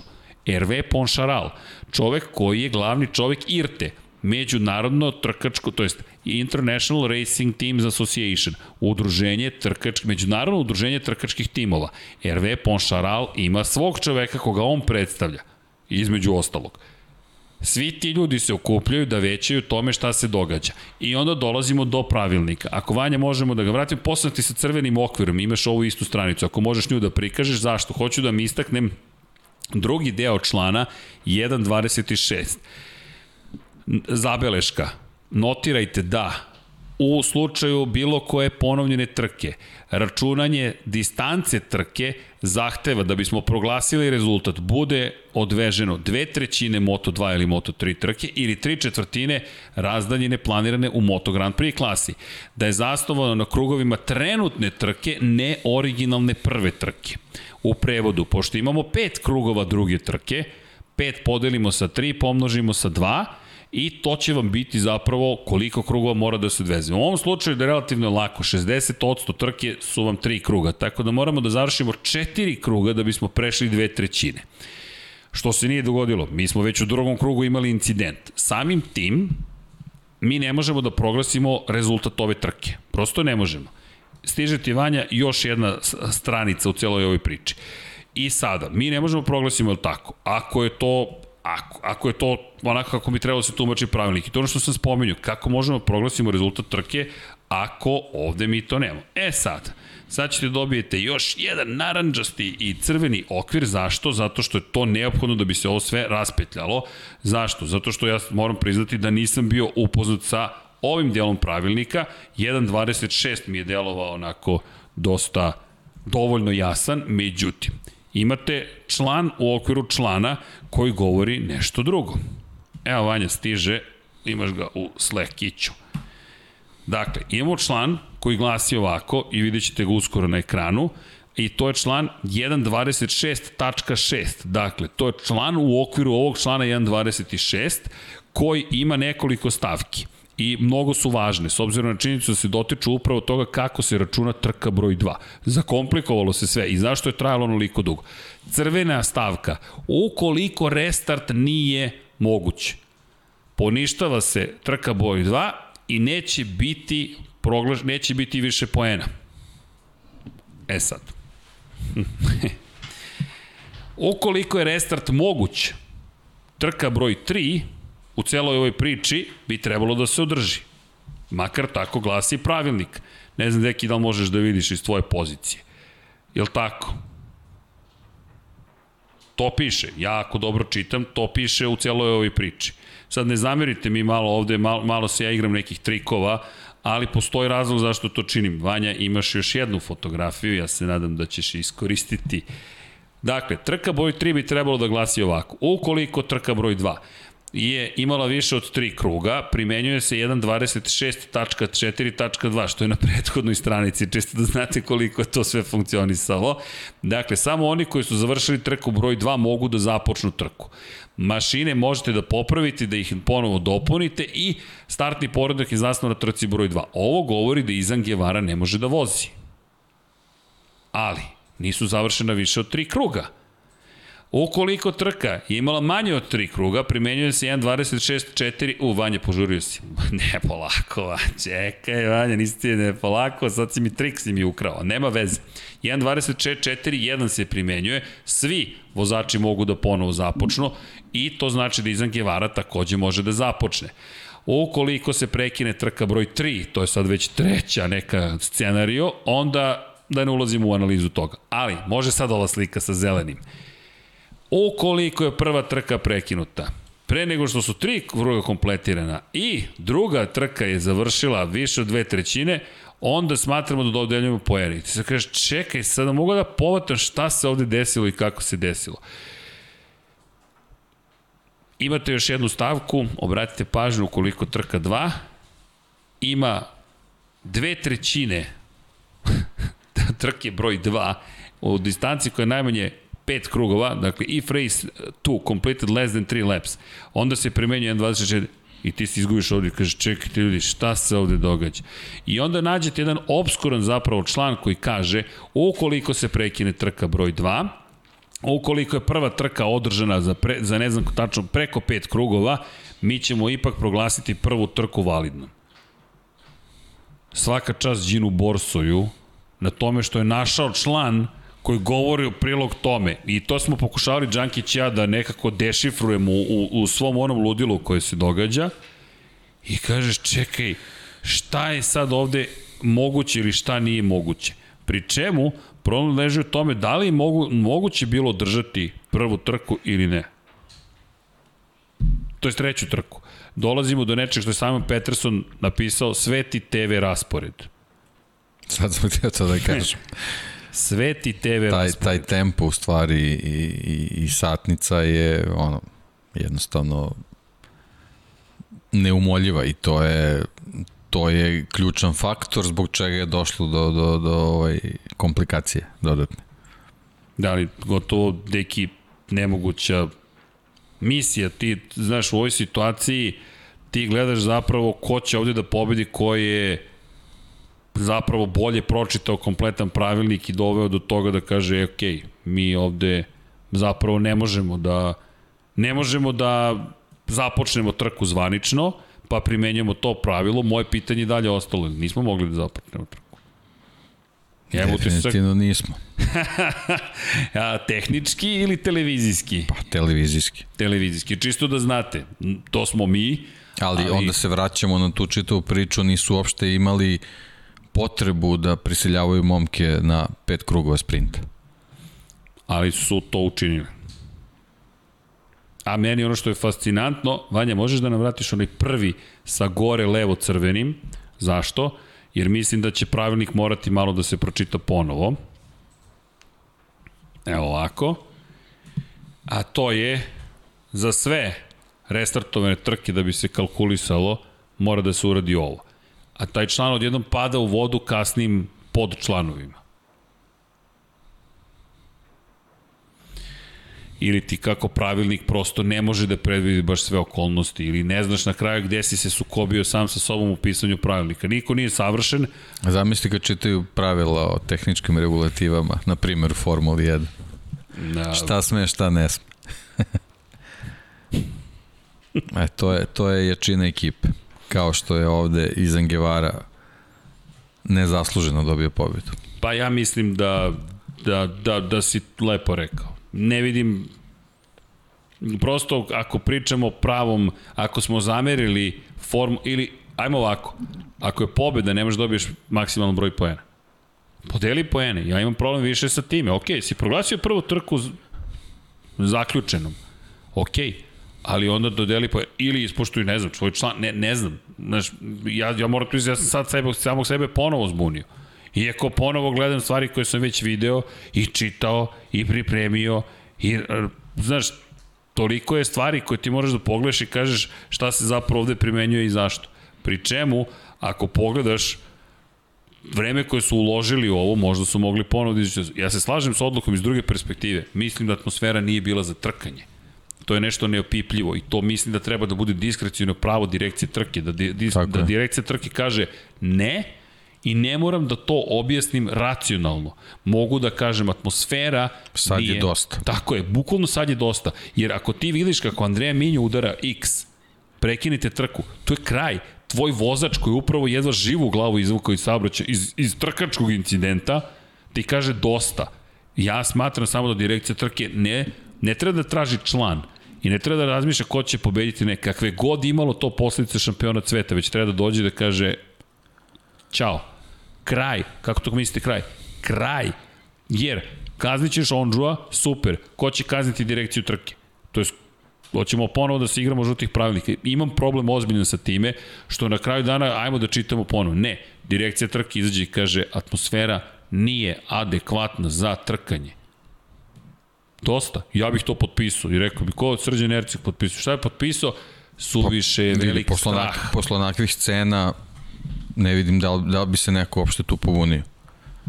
Pa zaš, zašto bi se Posebno, posebno ovaj, kad, kad uh, sagledamo situaciju ko učestvuje u tim trkama i šta se sve dešavalo u prethodnim ovaj, nedeljama i mesecima. Tako da, ne znam, mnogo je, mnogo je konfuzno bilo, a sve se dešava u, u neverovatnom stanju šoka za sve. I, i, I u razmišljanjima šta je sve moglo da se desi. Na sreću nije. ne znam neki, ali kada pogledaš, mi smo, znaš, ušli u, u ozbiljnu priču o pravilniku, mi smo ušli u to da, znaš, moramo da pogledamo bukvalno svaki aspekt ovog pravilnika i da kažemo, ok, mi sad znamo, manje, sad otprilike znamo gde smo stigli u celoj ovoj priči, a ne, ne znam, ne znam, meni se, prosto mi se nije dopalo sve, sve ono što smo videli, prosto mi se nije dopalo. Evo, prosto To je, mi da, se nije to dopalo. je jednostavno onako velika doza birokratije, ali generalno baš zbog, zbog te zavrzlame se ovaj, skreće sa te glavne teme, a to je bezbednost vozača. I, i kakvom, kakvom pritisku se oni ovaj, izlažu. Jer, jer u takvoj situaciji psihičkog, ne, neverovatnog stresa da ti bukvalno teraš nekog da sve zaboravi u roku samo nekoliko minuta, da ponovo stavi kacigu na glavu i da kreće ovaj, u novu trku, a, a, a, znamo ovaj, uzraste tih momaka, mislim da je to stvarno neverovatno, onako, baš, baš liči na neku onako mašinu koja melje. I to ne, ne bi trebalo da bude slika koja se šalje. Ne znam, izgledalo mi je dosta surovo u tom trenutku. Pa, Možda sam ja previše ne, ne znam, apsolutno, mislim, ne u, u najmanju ruku je tako izgledalo. Ne znam, po, prosto mi deluje... Znači, bila je, bila je situacija kao, kao na Red Bull ringu prošle godine gde ti imaš trenutak gde vidiš motociklistu na zemlji i, i svaka sekunda traje kao večnost e, dok, dok ne prođu svi iza ovaj, u nadi da se ništa neće desiti, da, da neko neće naletiti na, na čoveka na zemlji. Tako da, mislim, to je baš onako surovo da se priča na taj način o tome. Pritom imamo pad Filipa Salača, momka koji je na motociklu Jason Dupaskija koji je izgubio život upravo zbog toga što je i na kvalifikacijama i on morao da bude ovaj u, u trci s nekom stiskom vremena da bi izvezao krugove, pravi grešku i tako dalje i tako dalje. Znači to to su sve sve neke situacije koje koje možda mogu da se preduprede tako što će ti momci biti malo malo malo opušteniji u nekim obavezama koje imaju na tim trkama. Da, ono što je meni bizarno apropo Salača, više se niko njime nije ni bavio. Samo je poslednja vest koja je bila saopštena da je poslat u bolnicu i to je to. I kada je izašao iz bolnice, to je bilo to.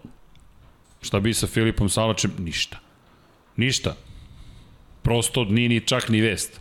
Da se dobije informacija, je Filip Salač je ok. Imate portale koje možete da pratite, ali neš, neka važnija vest o Filipu Salaču gotovo da je, gotovo da je nestala. Bukvalno. Ali ok, tema koja će nam se vraćati očigledno, Nažalost, imali smo previše loših stvari, ovo je bolja stvar.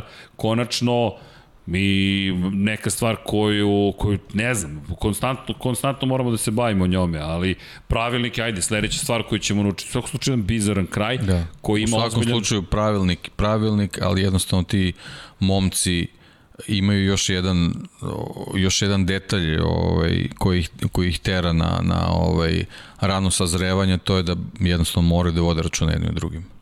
To da, to je za Deniza Ondžua najvažnije. Ne samo za, za kompletan za karavan. Naravno, da. naravno. Ali, Posebno ali da za te mlade primjer, momke usijane koje dolaze. Videli smo Gevarinu reakciju kad je ušao u, u garažu Posle, posle odustajanja. E, ovo je Vanja, hvala.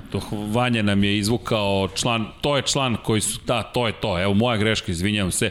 Evo ga, deki, ključni član. Na, na sledećoj strani u celoj priči, hvala Vanja, ukoliko prva trka je prekinuta posle tri kruga, ali manje od dve trećine je odveženo, e onda dolazi član 1.26.6, e, dodatak 4.2.b teško mi da... Ozbiljni su advokati to pisali. Pravnici. Pogledaj da. gde sam završio, zašto sam se izgubio, ja se zaista izvinjam. Šta pa to je samo četiri strane dalje, nije? Da, četiri strane, ali pazi, ako se vratiš, pa, e, ovo je 78. strana, ajde vrati nas na 74. Ljudi, ne zamerite, ali ovo je pokušaj... Ovo da, da naučiš na pamet sledeći put. Sledeći. Propitivaću Ne, ne, ali čekaj, deki, počinje član 1.26.4 na 74. strani. Ajde stavi 76. i 77. To je onaj broj 2 koji smo, koji smo stavili, koji ima Šareniš. E, ovo su sledeće dve. 1.26.5 pa dolazi 1.26. Pa sad imamo 1.26 A 1.26 tačka, ne, 1.26.6 tačka A tačka 2, to je sledeća strana. Tačka B. Dakle, da sam zapamtio, 1.26.6.A.2.B. Stavka 1. Ukoliko restart nije moguć, trka broj 2 se poništava, dodeljuju se puni poeni u šampionatu sveta na osnovu prve trke, ukoliko je pet ili više krugova odveženo u prvoj trci. Ukoliko je odveženo manje od pet krugova u prvoj trci, onda ćemo poništiti i trku i nećemo dodeliti poene. Evo ga, hvala Vanja, izvuko se. Okay. I danas, hvala. Aj, ne, ne, neki više živeli, pa imam samo vodu, ali ne i pa, kafu. Pa dobro, već se razblažimo malo. razblažimo se malo. Umorio sam se, ok. Ja mislim da, da nemam ništa više da dodam na ovu temu. Da citiram Critical Drinkera. That's all I've got, now go away. go away now. Ali nemojte da idete nigde, imamo još pitanje odgovore. Uf. Zabole me glava. Dakle, to, veruj mi, nisam mogao da povatam član koji vrtim onaj pravilnik, a tamo Borsoj, Kotur, Aki, Ajo, Ponšaral. Borili su se za bodove samo. Borili su se za bodove. Nažalost, to je, to je bila da, glavna priča. To, to nisam ni dodao, izvinjavam se, ali to je zapravo... Kako? A Kosta prošao najbolje. Hmm. Pa i u incidentu i, I, i u bodovima. Da. Pa, pa sad, da, zavisi, da, kako... Kako, kako je moglo da bude... Kako, da, ne, da, upravo si Vanja. A Kosta je na kraju prošao najbolje u celoj toj priči. Dobio 8 poena za zvaničnu osmu poziciju, pozicija 2 za Denisa Fođu, 12 poena jedno dokladnije, sad imamo 30 poena samo za ostatka pre... Šta bi Remy Gardner dao za 30 pojene razlike? e, da, šta ti je perspektiva? Da ih posadi Ajo i kaže, evo, on, tvoj klubski kolega iz Moto3 klasi ima 30 poena, ti imaš 9 poena. Sad, a Kosta, 9-30, šta ti se više dopada? 30, ok, sad pamet u glavu i da vidimo. Ali ono što je za Akostu mnogo dobro, ide na dve staze koje je vozio već u svetskom prvenstvu i onda ide u Valenciju gde manje više odvezo 4000 miliona krugova, bukvalno ljudi u Valenciji su živeli ti klinci, pošto se radi o momcima koji su prošli i kroz Kup Novajlija i kroz špansko prvenstvo, to je svetsko juniorsko prvenstvo, koji su vozili sva moguća kup takmičenja, konačno finale prošlogodišnje sezone juniorskog prvenstva u Valenciji, u juniorskom prvenstvu sveta je vožen u Valenciji, tri trke. I ako ste učestvovali u svim tim trkama, kao i Guevara I koji je nije toliko brza staza koja odgovara Leopardima. Tako je, tako je, Leopard Leopardi morat će negde malo da, da traže drugu šansu. Algarve mislim da će biti opasan za Leopard, da će, to, da će tamo da lete bukvalno, ali ono što jeste činjenica, ne zaboravimo, u Portugalu je Fođa bio na poziciji broj 2 na početku sezone. Ali ok, Fođa, pobjeda, pobjeda drugo mesto, ima dva treća u super formi, nije još završio posao, sad je ovoj test, ali mislim da, da je Fođa položio test. Iskreno, potpuno subjektivno, imaš Kotora pokri sebe Kotor ljudi je toliko toga prošao. Ako će neko znati kako čekajte, on je svoje titule sa Schumacherom. ja mislim da je njemu ovo, dobar dan, ok, ajmo daj da ti objasnim šta treba da radiš i kako. Naravno i dalje čovjek se verovatno stresira, ne znam, nije nikad, nije, nismo ga to pitali, ali od krvi smo i mesa i mislim da je tu prednost. Ajo, moram ti priznati da sam iznenađen, da Ajo nije bolje pripremio i da tim, ono što si ti rekao par puta, Jaume Masija i, i Pedro Costa ne izgledaju tako dobro. Kao da u ekipi Aki, a ipak postoje neki problemi. I ova, ova razlika od samo 30 poena... Pa dobro, to su možda neki kapaciteti stvari. kako se možda. kako odmiče sezona. Moguće. Ne znam, ali ok, Izan Givara zvanično zabeležio pobedu. Drugo mesto za Fođu, treća pozicija na kraju za Johna McPhee. John McPhee, ček. Eto ga, konačno. Ajmo, John McPhee, čekamo ga celu sezonu. I Petronas najzad na pobedničkom postolju zahvaljujući Johnu McPhee-u. Zahvaljujući spletu okolnosti, ja ne bih analizirao rezultate iskreno, zato što mislim da je to preki trke prosto. Pa preki trke, ono, što sam i malo pre rekao, jednostavno moto trojke su programirane da su finišu svake trke ovaj, dešava rasplet, ovo nije bilo ni blizu raspleta, tako da, pa da. to je, kao što se rekao, neka trenutna pozicija i to je to. I to je to. To je to. Vanja, hvala, hvala za uh, uže spasa, izvuče me. Posle četiri strane. 1.26.6.A.2.B. Ok, vidi, lepo si me izvukao, iako ti nije jasno, nikom nije jasno, makar znamo gde da tražimo. Dobro, dođe smo do pitanja. I ko ima prednost? Ko ima prednost?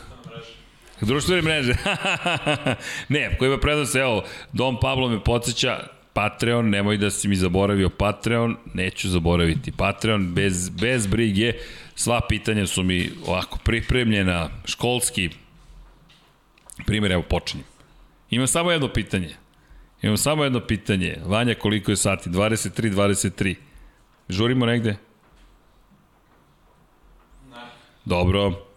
Evo, izvinjavam se samo da pročitam. Ćao ekipo, šta mislite Nemanja Miloradović? Da li ova podsjeća sezona, da li ovo podsjeća na Markeza iz starih vremena i ako se nastavi ovako da sledeće godine bude kandidat za titulu? I ovo staza u ovom stanju je strašno, bit će haos za F1. Pozdrav. Pozdrav, pozdrav za Nemanju, hvala za pitanje. Pa, podsjećamo. Podsjećamo, naravno. Apsolutno, ljudi, ovo je, da, da ne znam da je povređen. U, strašan detalj, Matija Pazini. Jesi se sećate ko prati Lab 76? Pozdrav za sve koji prate Lab 76. Bilo je nekih pitanja uh, za jubilarne, preko 10.000 kada smo prešli. Ljudi, i setit ćemo se i 10.000 i 5.000 i 1.000 i onih koji su bili prvi. I tim redosledom ćemo se truditi da vas ponekada obradujemo. Zašto? Pa zato što ima ta jedna grupa ljudi neverovatna koja je koja je nekako otkrila među prvima Lab 76 i onda, znate ono kad se pretplatite na primjer na internet ili na mobilni telefon i pošto ste 10 godina kod nekoga ili 15 i vi nikad ne dobijete ništa nikad ne dobijete popust, nikad ne dobijete kredit, nikad ne dobijete dodatnu uslugu, nikad ne dobijete ništa apsolutno. Zašto? Pa Šest meseci za dinar. Nije, ma ništa, ništa ma ti ništa. si tu 10 godina, 15, pa ti si tu, ti plaćaš račune, Evo, hvala ti, super si, strava si, evo, stigo ti novi račun, hvala ti, strava si. Ali, ako dođete sada u našu mrežu, nas kao provajdera ili šta god, dobiješ 6 meseci za dinar ili 12 meseci jer je sad posebna ponuda na prvih 6 meseci, ma evo ti 18 meseci. A ovaj što je plaćao 10 godina je dobio ništa jedno veliko i ovako sedi i razmišlja, pa dobro, smem da sad raskinem ugovor pa da ga na, otvorim novi da bih nešto dobio. Pa ne možeš, imaš ugovor koji traje još dve godine. A, da bi dobio promociju, ne možeš da budeš naš korisnik, to jest moraš da budeš e, ne naš korisnik najmanje 6 meseci ili 3 meseca.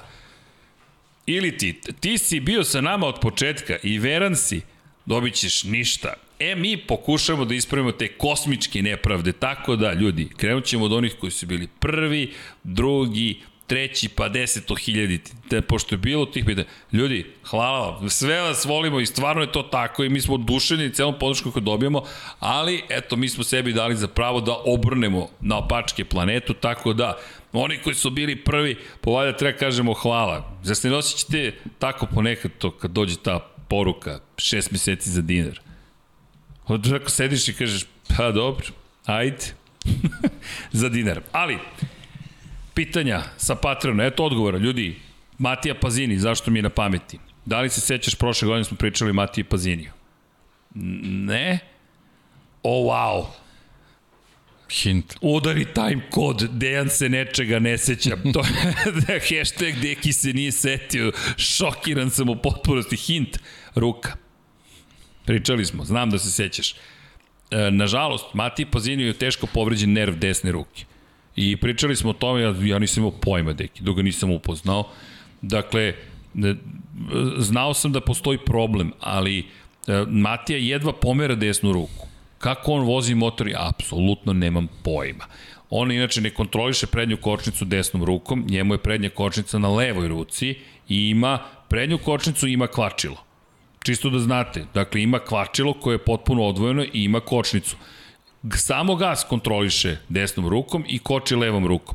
Tako je povredu doživeo na motokrosu, koliko se sećam prilikom treninga, da je to je bilo davno kad smo se upoznali i shvatiš da taj čovjek zapravo radi čudesne, neverovatne stvari. Kod ovo potpuno je atrofirala ruka, do nekle može da je pomera, ali u Demi je podmetač osobe sa hendikepom.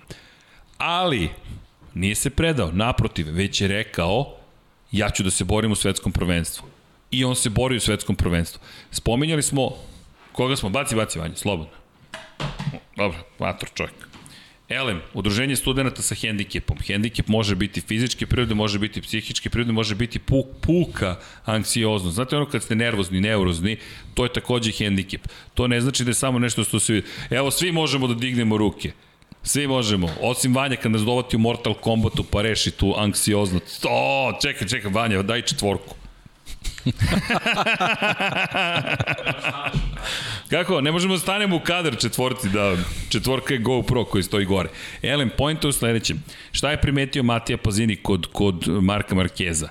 E, desna ruka i štitnik ovde je proširen, da može više da progura desnu ruku, jednostavno mora da promeni položaj svoje desne ruke tokom vožnje i tražio je od, ko njemu proizvodi zaštitnu delo, da Inezi ili Alpine Stars, nisam siguran, mislim da je da je ne... Pa dobro, ne, ne Alpine, bitno. Ne, u Sad svakom slučaju nađe. su se potrudili da mu to naprave. Niko, niko od svih nas to nije video, osim nekoga ko ima sličan problem, Matije Pazinija. I pričali smo da postoji opasnost da Alpine dođe... Stars. Alpine Stars, eto, pozdrav za ekipu. Dakle, došlo je do toga da je primetio to Matija Pazini. To su detalji koji, koji su mnogo važni, tako da apropo ovog pitanja da li liči, apsolutno liči. Da li će biti, ne znamo. Ali, šta je veličina šampiona? Mike Dunn. Nije mogo da koristi desnu nogu, šta je uradio? Prebacio je zadnju kočnicu na palac leve ruke. Pjazini, ne možeš koristiti desnu ruku, prebacit ću na levu ruku kočnicu. Ono što je razlika među Pazini je Duana. Duan je osvojio posle te povrede pet titula šampiona svetom za redom u 500 kubika. Tako da, da li će moći da se bori sledeće godine? Polako. Deki je već rekao. Tri trke u, kri, u stazama u levo, ako pobediš 75 poena. Svašta može. Svašta može da se desi. I tako. Ok, idemo na sledeće pitanje. Imamo neko pitanje još sa Patreona? Imamo. Do, opa, počinju da stižu. Evo ovako. E, nemam nekih pit e, pitanje za večeras. Da li mislite da to što braća Ondžu i Toprak imaju istog mentora, Kenan Sofoglu, ima veze i sa agresivnim stilom vožnje navedenih vozača? Pa ne, Kenan jeste bio agresivan, nije toliko.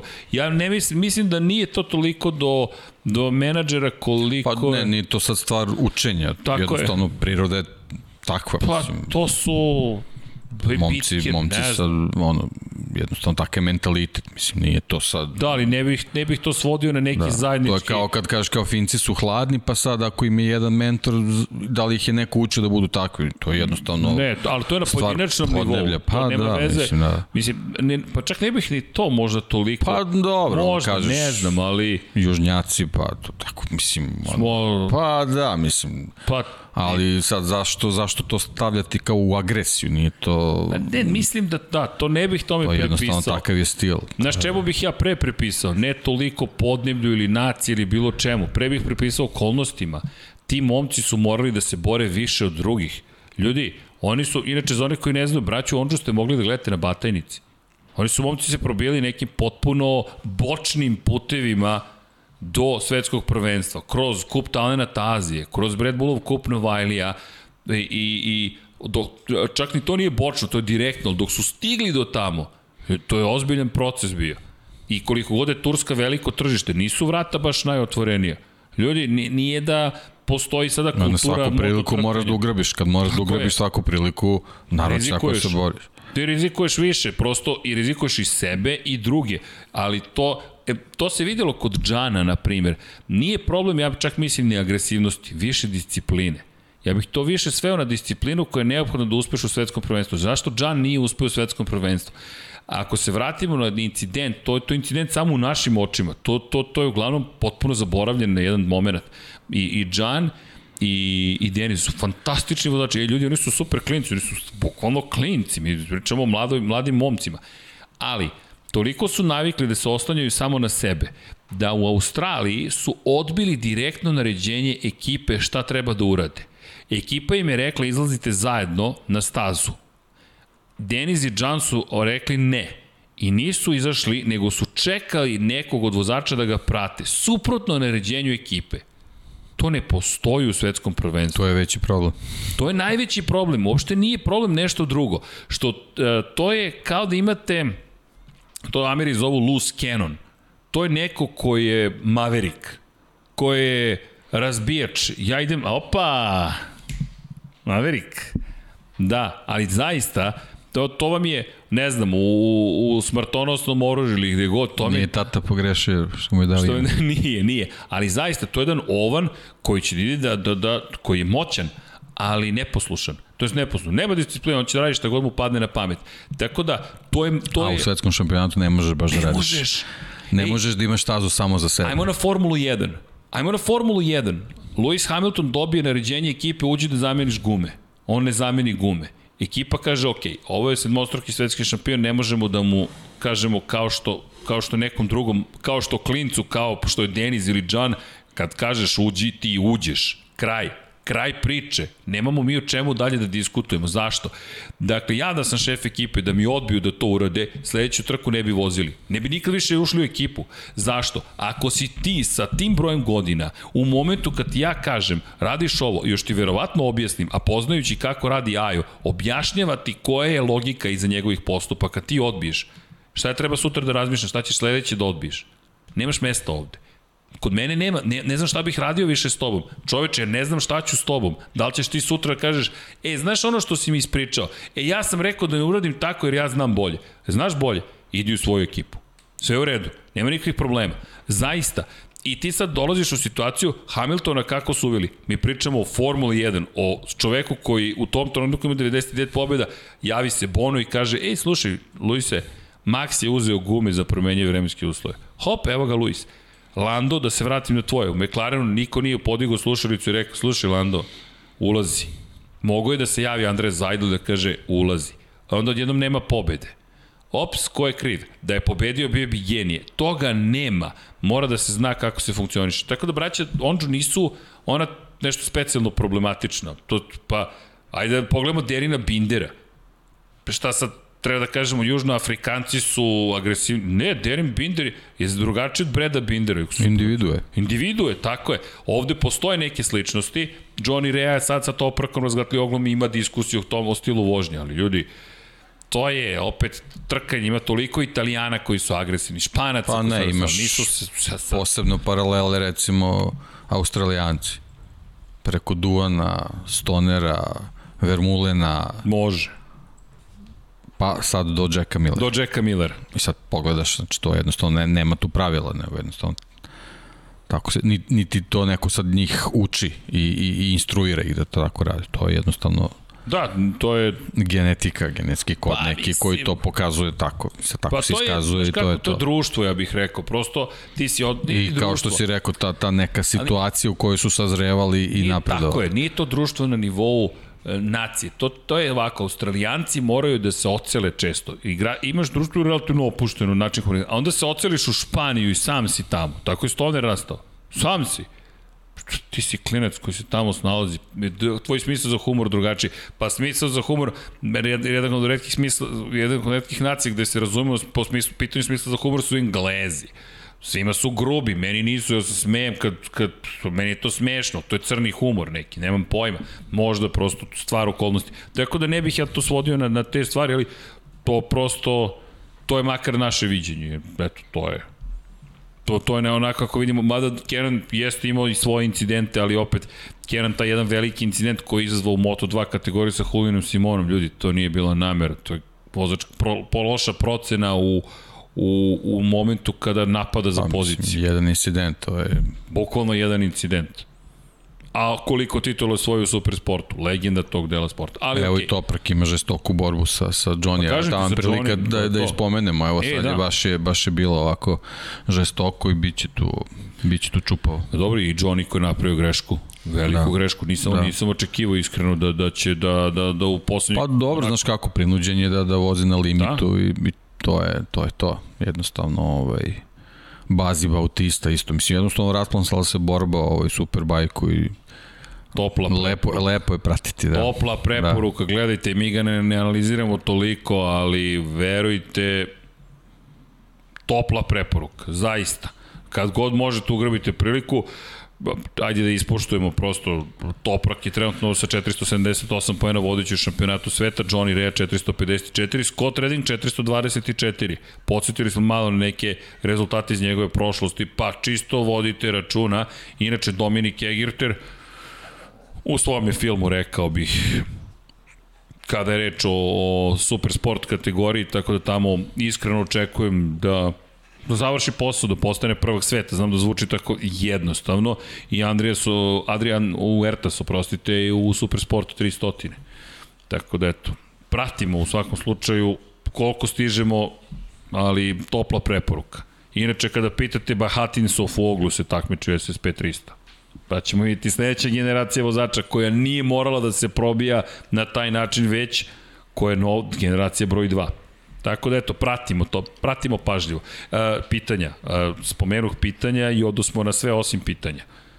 Don Pablo mi se smeje. Eto. E, pitanje ovde. Marquez počinje polako da se vlaća u fond, ali čekajte, čekajte, izvinjavam se, ići ću nazad, vratit ću se do ovih pitanja. E, dakle, da li Miller može u toku sledeće sezone da dobiti otkaz u Ducati da ga zameni Martin? Pa ne verujem tokom sezone da će to Ducati da radi. Ducati mora da vodi računa o korporativnim sponsorima, o robnoj marci, o odnosima. Znam da to sa nama sa strane djeluje jednostavno. Otpustiš ga i to je to. Ljudi, Filip Morris je i dalje jedan od najvećih investitora. Filip Morris kao korporacija ne želi da razmišlja o tome kako izgleda imidž nekoga koga oni sponzorišu. Ne kažem da to je, je najvažnija stvar, ali je prilično važna, pošto pola budžeta otprilike godišnjih dolazi od kompanije Philip Morris. I šta dobija Philip Morris za to ako ne čistu reklamu? Dobije takozvani korporativni ulaz u padok.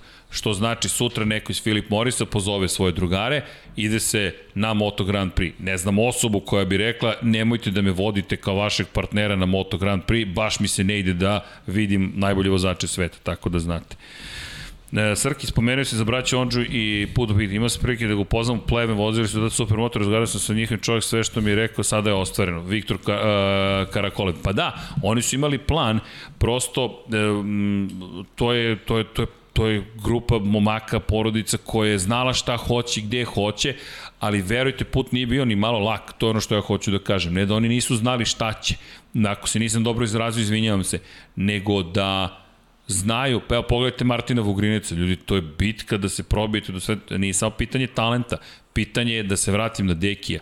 Ljudi, tržište, ajmo da krenemo od toga. Koji globalni sponsor će doći i reći, ok, potreban si mi u mojoj grupi vozača. Jednostavno, kada saberete sve države sa ovih prostora, nažalost, ali ekonomija je takva da malo velikih sponzora će da kaže ja imam neki ozbiljni interes u tome. Prosto lakše im je da angažuju nekog iz većih zemalja ili zemalja koji imaju veći standard življenja i to je to. Prosto Turska je mnogo, mnogo, mnogo veće tržište, pa čak i tu nije bilo jednostavno. Samo zamislite, samo zamislite tu situaciju, tako da svaka čast toj ekipi. E, da li mislite da Toprak ima šanse za pramak? Pa, Toprak ja ne vidim u Ducatiju da će biti iskreno. Ako negde bude bio, to će biti Yamaha. To, to makar ja verujem da ukoliko bude prelazio u Moto Grand Prix. Valentino Rossi je rekao da veruje da Toprak može da postigne dobre rezultate u Moto Grand Prix-u kao i da mu je žao što Johnny Rea nikada nije dobio zapravo pravu šansu. Tako da ih ne vidim tamo. Vidim ih u, vidim ga u Yamahi, jer Yamahi, Yamaha ne verujem da će baš sebi dozvoliti da ponovo propusti priliku da dovede takvog talentovanog vozača u Moto Grand Prix.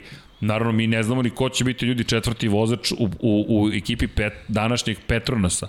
To još uvek stoji kao otvoreno pitanje. Rekao je da ćemo do Mizana najverovatnije znati Lin Jarvis, šef Yamahe, tako da eto, čekamo, ali Toprak... Pa sa osvajanjem titule on ima apsolutno pravo da razmišlja o tome. Tako je. Toprak za sada zvanično će biti u Superbajku, ali ljudi, to se menja. Ako osvojiš titulu protiv Johnny Re, možda će se desiti ono što se desilo sa Benom Spizom, koga smo inače videli sad u Koti. Možda će neko reći Ben Spiz, ajmo, osvojio si titulu, nagrade Moto Grand Prix. Zašto? Ako Toprak želi budućnost u Moto Grand Prix, svaka godina je kao pet u nekom drugom takmičenju. Nemaš mogućnosti da mnogo čekaš. E, Dorijan Tiček, ne pratim toliko dugo, pa me zanima zašto se kvalifikacijama dešava da se vreme većinom poboljša u prvom i drugom sektoru, dok u zadnje vrame, dva, vreme se spušta prema dole. Pa nisam nužno video to, da, u, ovo je zanimljivo, moram priznati da to nisam, nisam, nisam ispratio taj moment, ali možda, možda, možda, Možda nešto što ja nisam vidio. Ne, moram priznati čak treći, četvrt. Mislim da ne postoji tako neko pisano pravilo. Više pogledajte konfiguraciju staze. I možda u, na ovoj trci se dešavalo da gube mnogo vozači u odnosu na Raula Fernandeza ili u odnosu na, na, na Banjaju, ali više gledajte kakav je oblik staze. Gde ima više krivina, uglavnom, Suzuki je maha, onako da pojednostavimo. Nije tako jednostavno, ali tu je negde. Ako vidite oštre krivine, snažna kočenja i dodavanje gasa pri niskim stepenima prenosa niskim brzinama i ne brzinama kao kilometrima čas, nego brzinama kao odnosima brzina, tu gledajte Ducati. Mada Honda je tu, Aprilia je mnogo napredovala taj sistem za spuštanje zadnjeg kraja. Tako da više gledajte to. Da, pitanje taj sistem kako je funkcionisao na ovoj neravnoj stazi. Tako je, tako je. Ima i toga. Uh, Muki Alex, nemoj se vraćati na Markeza, dosadili Bogu i narodu, pretpostavljam da ne navijete za Marka, ali ovo je njegov prosto bio vikend. Uh, pošto ne daje, uh, Štoprak, Johnny čeka da im strale. Šta pita, da li Miller može u toku sledeće Aha, to smo već pričali. Marquez počinje polako da se vraća u formu, sledeće godine kad vidim kao šampiona ponovo dušan basketbol. Nije, nije nemoguće, ali još previše otvorenih pitanja. Marquez ne može da pokrene ruku najviše što može, teško da može da se vrati da bude onaj stari Zlatko Tajtan ili Jevski. Opet, videli smo i kad je slavio pobedu, to je isto zanimljivo, hvala Zlatko na podsjetniku, kada je prolazio kroz liniju cilja, diže ovu ruku, ovu da. namešta da je podigne. To je činjenica. Tako da, ako osvoji titulu u ovom stanju, to će biti najveća titula koju ikada osvojio. Ljudi, on je plakao kad je izašao ponovo na stazu. Dakle, mi govorimo o nekome ko kada je zabeležio prvu pobedu takođe je plakao. Ko zna šta je ovo? Nikola Pavlović, ja sam član od 24.10.2019. To, Nikola, je li nama bio 23. U, čekaj da vidim kada mi je bio prvi lap 76. To svaki put pomešam te datume. Ali, Čekajte, kako ste člano 24. kad smo 27. imali prvi video? Hmm. 27. nam je... A ne, imali smo... Jesmo imali video neki pre toga, Vanja? Ne znam. Ali dobro. Nikola, u svakom slučaju davno ste sa nama. Makar se družimo dosta, do, dosta dugo. Hvala za podršku. Uh, Marquez, čekaj, imaš ti neko pitanje? Uh, imam. 27. oktober, da. Ali mu dali smo kanal napravili pre toga. Mislim da smo kanal napravili pre... Wow, vi ste nam prvi pratili. Hvala. E, ovako, Emanuel. Uh, da. Iduće godine bi mogla biti jedna jako zanimljiva sezona, napite do samog kraja. Fabio Nemahi, ovogodišnji šampion, protiv moćnog Ducati i Banjaje i nadam se starog Mar Mar Marka i bolje Honda. Ok, to smo, to smo ovaj, absolvirali. Potencijalno tri vozača, a kao as iz rukava oporavljeni Franko na pravom motociklu. Da, da, da. I to stoji. I pitanje za kraj, koliko dugo misli da Jack, Jack Miller biti vozač Ducati? Ja bih rekao da nema baš svetlu budućnost. pa teško, teško. Da, teško da će ostati dugo, iskreno. Pa da, ali trenutno sam on, on, on ne, pita, ono, mislim, njeg, ima ugovor ove tri trke su jako, da, važne, ove? jako važne. Pa da, deki, ali ja i kod njega i kod Zarka vidim tendenciju da oni su sada, ja mislim da će oni biti super u prvim trkama sledeće godine, da njima taj fresh restart potreban, ali nažalost sve više naginjem tome da... Moj Johnny neče mogu... rekao, molim te, ovaj, da. brani Jacka kad crki krene da ga napada. Jesi ga branio? pa i, nisam nešto specijalno. A nismo čekaj, nešto mnogo ni pričali čekaj. o njemu. Krenuli smo pa smo ga preskočili. Čekaj, da, da se zna ko je Johnny. Smem da spomenem. Smeš, pa zašto ne? Johnny je, jel te, gospodin Nikola Potkonjak, tako da ja, e, kad ne može tata da brani pred sinom nekoga, onda mislim da je dosta jasna situacija kako je. Šta? 24. oktobra smo otvorili kanal. Wow, Nikola, pratite kanal 24. Svaka čast. Oh, oh, oh, carski. Opa, Nikola, čućemo se mi. Evo, Luka ima nešto. Da. Uh, kaže, smatram Ducati fali pravi lider kao što su Marki Fabi u svojim timovima. Da. Da, apsolutno. To smo pričali, to smo Banjaja je tako tu je, sad je, negde. Pa, to je ono što smo pričali. Banjaja je možda imao lošu trku ili išao taktikom kao sa prošle trke da povede i odmah postoji brz tempo. Pa mislim, generalno svima je želja da povedu. Jer ti motocikli drugačije funkcionišu kad je, si prvi. Tako je, ali, ali vidi. Ne mogu svi da budu prvi. Nismo pričali za Ducati, povlačim to moja da. greška. Pričali smo za KTM, da KTM nema lidera. Jer ko je najpopularnija osoba u KTM-u? Probni vozač probni vozač Dani Pedrosa. To, to, to je neoprostivo za jednu ozbiljnu ekipu. Mi za bilo koju ekipu, kamoli za, za KTM. A u Ducatiju, ko je vođe u, u Ducatiju? Luigi Dalinja. Da. Luigi Dalinja. I to, ajmo ovako, da li vam je Andrea Doviciozo bio vođa? Da, čak je Stoner je želeo da bude vođa. Jesu mu dali da bude vođa? Dali su mu otkaz manje više. Re, rekli su mu, nećemo ti, kao mobbing, nećemo ti dati otkaz, ali ćemo se potruditi da ti odeš. Bukvalno. E, kome su dali otkaz, suštinski, Jorgeu Lorencu. Njemu su dali otkaz. I Kračlovu. E, gde? Ka, ne, Kračlov je rekao čao. Da, da, da. Ne, da, je da. rekao čao posle prve sezone. Da, da, Nisam da. zainteresovan da se zadržava. I onda je krenuo da vozi. I onda je krenuo da vozi. Tako da u Ducatiju u pravu ste, nema vođe, ali ja mislim da nije da je to posledica, a ne uzrok. Da je vođa zapravo čovek koji vodi ceo tim, jer... Kad pogledaš bolje, ni Rossi nije bio vođa. Ne, nije bio vođa. Ducati... Ima, ima svoju filozofiju. Tako je, nema vođe. Nisi ti vođa, ti si deo ekipe, ti si u, u, u strojstvu. A dolazi ti čovjek koji je sve samo ne u strojstvu. Koji je zve, ne zvezda, nego oko njega se sve vrti. Znaš koja je to filozofija? To je to, ekipa ili vozač? Šta ide prvo? I ne mora nužno da bude jedno ili drugo. Može da se nađe... Bitna hemija. Tako je. Da nađeš balans i da kažeš čekaj, ajmo da se iskoristimo međusobno, ne zloupotrebimo. Eto, na primjer, Suzuki prošle godine. Ali Davide Brivija. Ali Davide Brivija, gubitak Davida Brivija, neko je obezglavio Suzuki. Bukvalno ovo je Suzuki bez glave. Bukvalno to tako izgleda. I, i takvi su i rezultati. Vidiš talentovanog vozača, jednog, dva i to je to. Evo još jedno samo ovaj, sa društvenih mreža, Dejan Barbarez. E, da li mislite da suspenzija Denisa Onđova i izlačenje Dorne zbog svih onih smrtnih slučaja ove godine? Pa nije pa, izlačenje. Nije, nije, nema izvlačenja, znate šta, nije... Ajmo, ajde, hajde samo da, da, da, da, da, da Dornu često kritikujemo s razlogom. Ona je na sebe uzela organizaciju Dobro, celog ali i pohvaljujemo. Za, Tako je, ali i pohvaljujem. neke stvari, da. Ali bih htio da kažem, ljudi to su ljudi. Mi ih sticamo okolnosti poznajemo. Verujte, ti ljudi su pretužni kada se te stvari dese. To nisu neki bezdušni zombi koji idu okolo i samo broje pare. Lako je sa strane reći, na, reći nama sveti TV raspored. To je lako reći. Ali ajde ovako ako nema svetog TV rasporeda? Da li će biti sponzora koji su rekli ja sam kupio da se oglašavam u momentu kada je to nešto gledano? Ako sada Moto Grand Prix pomeri svoj raspored, ne samo na sport klubu, nego ko zna gde možda gubi. Možda na sport klubu ne, ali negde drugde ostane bez svog termina pa trka ide u snimku.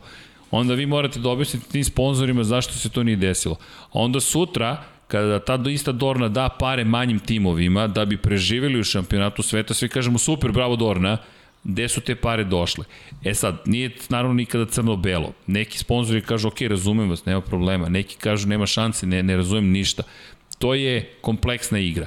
Ali samo na ljudskom nivou, ja još nisam upoznao osobu u Dorni koji je neki bezdušni čovek koga baš briga za vozače ti ljudi su autentično tužni i prestravljeni kada se ove stvari dese. To ne znači da znaju uvek šta treba da urade i ono što je često situacija, kad mi ne odlučujemo, mnogo lako znamo šta drugi treba da urade. To su one situacije, znam šta, znam, znam šta treba da popravi moj kolega, ali ne znam šta ja treba da popravim. Dorna je u toj ulozi, zarađuje pare za to, sve to okej, okay, i uzela je na sebe tu ulogu, samim tim mora da bude odgovorna, ali samo ne bih da da stvorimo bilo kakav utisak da su to neki sad zli ljudi. Ne, naproti, to su zaista ljudi od krvi i mesa koji rade svoj posao ali takođe brinu o toj deci. Verujte, ja znam koliko su nama puta pomogli oko nekih banalnih stvari, nisu morali. Nije mu u opisu posla. Pa su nam i dalje pomagali. Verujte, ako neko treba kaže hvala, ja im kažem hvala. Puta milion. Ja znam koliko puta su, evo, navešću vam dva primjera. Jedan, nama kao televizijskoj ekipi, koja vrata su nam otvorena, Mi smo im čak napravili probleme da su imali pitanje zašto su nama neka vrata otvorena, a mi dođemo na jednu, dve, tri trke i, i oni kažu hajde tu dok ste, iskoristite priliku. Onda dođe neko drugi mnogo veći koji je tu na svakoj trci ko možda nije dobio baš neke prilike. Verujte, to se dešava zato što kažem vam, stalo im je. I kada vide interesovanje sa ovih prostora za Moto Grand Prix, oni su autentično srećni. Isto važi za ovu situaciju. I druga stvar, kada, kada otvorimo vrata padoka, Dorna inače sve gleda, sve kamere, svim kamerama prati šta se događa. Mi to radimo u dogovoru s Dornom. Prosto to je neki stav cele ekipe sport kluba, od vrha do, neću ni da kažem na, svi mi koji smo u ekipi imamo taj stav. Mi smo ovde sad ovo je ekipa Lab 76. Dakle, svi mi, gde god da radimo, šta god da radimo, verujemo to. Da Dorna nije rekla, u redu je, uvedite 100 ljudi na tih pet pozivnica koje smo vam dali, mi to ne bismo radili. Oni znaju, mi odemo kod njih, U početku su nam tražili spiskove tačno ko su ljudi koji su ušli, sada već nam dovoljno veruju da kažu verujemo vašoj proceni. Ali oni znaju šta mi radimo. Verujte, oni su rekli u redu je da uvodite vaše goste pitaju ko su to, ja, su, ja kažem to su gledalci sa naših prostora. Tačka. I niko od njih veruje nam dovoljno, verujte, to se ne... U Formuli 1, da pokušam to da uradim, meni bi ovako skinuli akreditaciju i rekli hvala ti, nema više da dolaziš. Bilo je zadovoljstvo vidjeti vas. U Formuli 1, kada provučete propusnicu, izađe vaša fotografija. A ako se ne poklapa uh, ovaj lik sa onim što je na velikom monitoru, nema ulazka. Tako da, Dorna zaslužuje mnogo kritika, ali nije to. E, zašto Kawasaki nema u Moto Grand Prix-u?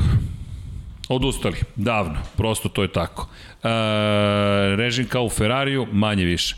E, toliko, koliko sam volao Ducati vozače, Džan Bašalić, toliko nisam volao samu ekipu. Nažalost, sam tim, a to je bizarno, ima ljudi koji samo vole Ducati a opet nekako Ducati ne zna kako da napravi taj tim koji će da im vrati svu tu ljubav. E, šta Ducati operiše kao Ferrari? Propo, Srki može da opiše jedan vikend stazi iz perspektive kako se spremanje za trening kvalifikacije trku.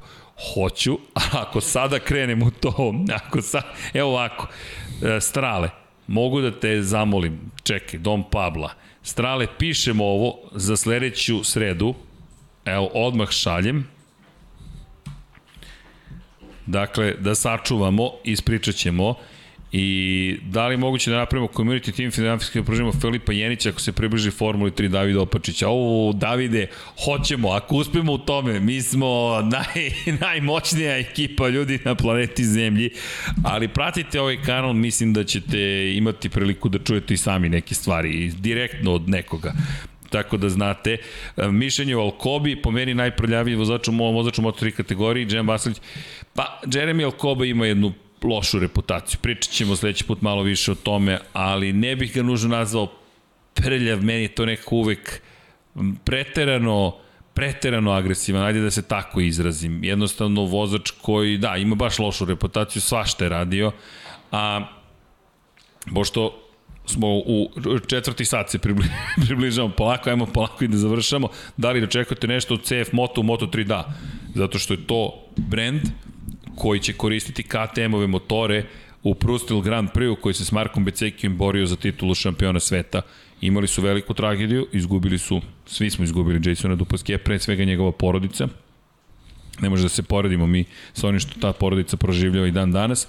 Mi izjavljamo saučešće, ali Prustil Grand Prix ukoliko nađe pravog vozača, sve sa CF Moto, bedžom može da se bori kao gas gas, što ima pobjede kao Husqvarna, što ima pobjede, to je isti, identični prosto motocikl. I samo evo za Luki Majkiću da odgovorimo koga bismo volili u Moto Grand Prix šampionatu, ko va, po vama zaslužuje šansu u istom. Redding, Folger.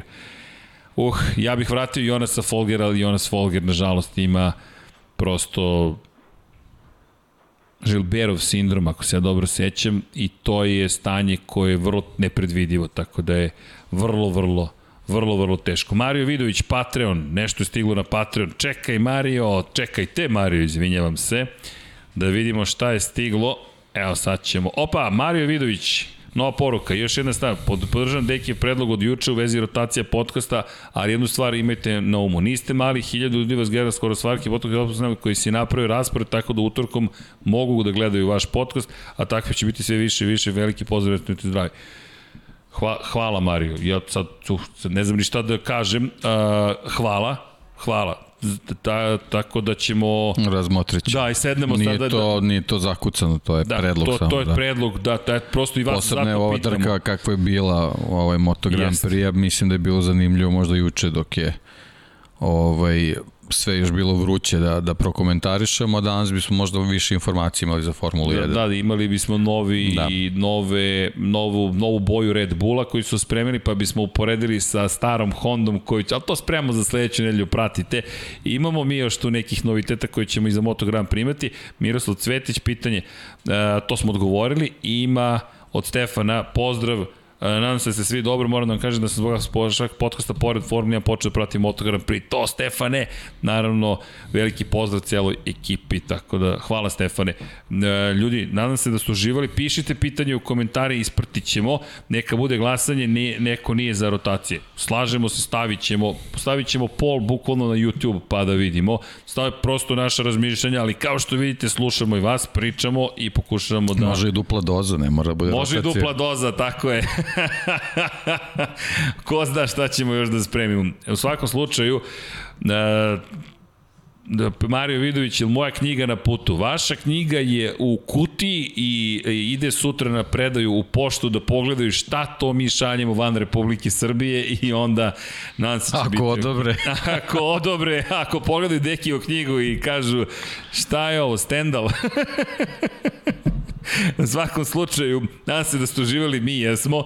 I kao uvijek hvala vam za svu podršku, hvala vam za sva pitanja, trudimo se da odgovorimo sva, ne zameriti, mi smo ljudi pa posle 3 sata počnemo, počnu neki da, počnu neki da trokiraju, ali šalim se, svima nam treba malo odmor a, ponekad, ali ovo su više veliko zadovoljstvo i velika zabava, tako da nadam se da je bilo na nivou koju očekujete i priželjkujete, držimo palčeve da će nam tek sezona doneti još u veće, veće uzbuđenja, u još veća uzbuđenja, ali u Moto2, Moto3 ceni da se zagarantuje Moto Grand Prix, a to je priča za sebe, to krene prvi trening, ja već osjećam adrenalin kada je krenuo prvi trening. Mazite se i pazite se, vodite računa i vozite računa jedni u drugima, devojke, Roza majica nije u oktobru samo opasnost po, po, po vas, pa i po muškarce u svakom mesecu. Prosto ovog meseca ističemo va, važnost toga da se prekontrolišete na vreme. Molim vas to učinite. Momci, podržite devojke i ne samo to, podsjetite ih, budite dosadni, isplati se ponekad biti dosadan, bolje da, da neko kaže e, hvala ti što si bio dosadan nego da da ne može, nema priliku to da kaže. Znam da zvuči dramatično, ne želim tako da predstavim stvari, ali činjenica je rak dojke je ozbiljna stvar. Ovo je mesec borbe protiv raka dojke, prevencija i ne samo prevencija traje no, neprekidno, ali rana detekcija može mnogo da pomogne, tako da da se podržimo zajedno, da širimo malo ljubavi, da bude lepša planeta. Pošaljite 917 na 3030 ili Human 917 na 455. Uradite nešto lepo, uživajte u životu, gledajte trke Formula 1, gledajte trke Moto Grand Prix, udrite like, udrite subscribe, pretvorit ću se, u, moram da napravim majicu, udrite like, ne, ne, šta smo rekli, kako se pozdravimo na ulici? Zdravo, deki. Ne, ne, ovo, a onda ovi prsti ovako. Ali da, to nama znači i naravno da nam pomaže u svemu što radimo. I kada je reč o algoritmu YouTube-a i kada je reč o, o tome da širimo zajednicu i kada je reč o sponzorima, imamo neke nove sponzore. Nekako dođe jesen, dođe novi sponzori. To ko ko, nisu zimzeleni, moramo to, da to poradimo na tome da nam budu zimzeleni, ali šalu na stranu vidjet ćete ih, nadam se, od, od, naredne, od narednih emisija. Veliki pozdrav svima još jednom, a naravno, pošto smo medijski, molim, stegni ruku, deki. A pošto smo medijski sponsor koga? Koga smo medijski sponsor? Hoćemo da se odjavimo na taj način, Vanja, a? Šta kažeš? Uz adekvatan kadar koji e, kaže, možemo? Ćao svima. James, now your enemy is my enemy. How did that happen? Well, you live long enough. You were double O. Two years. So stay in your lane. What is it? You don't know what this is. Oh my god. Who is he?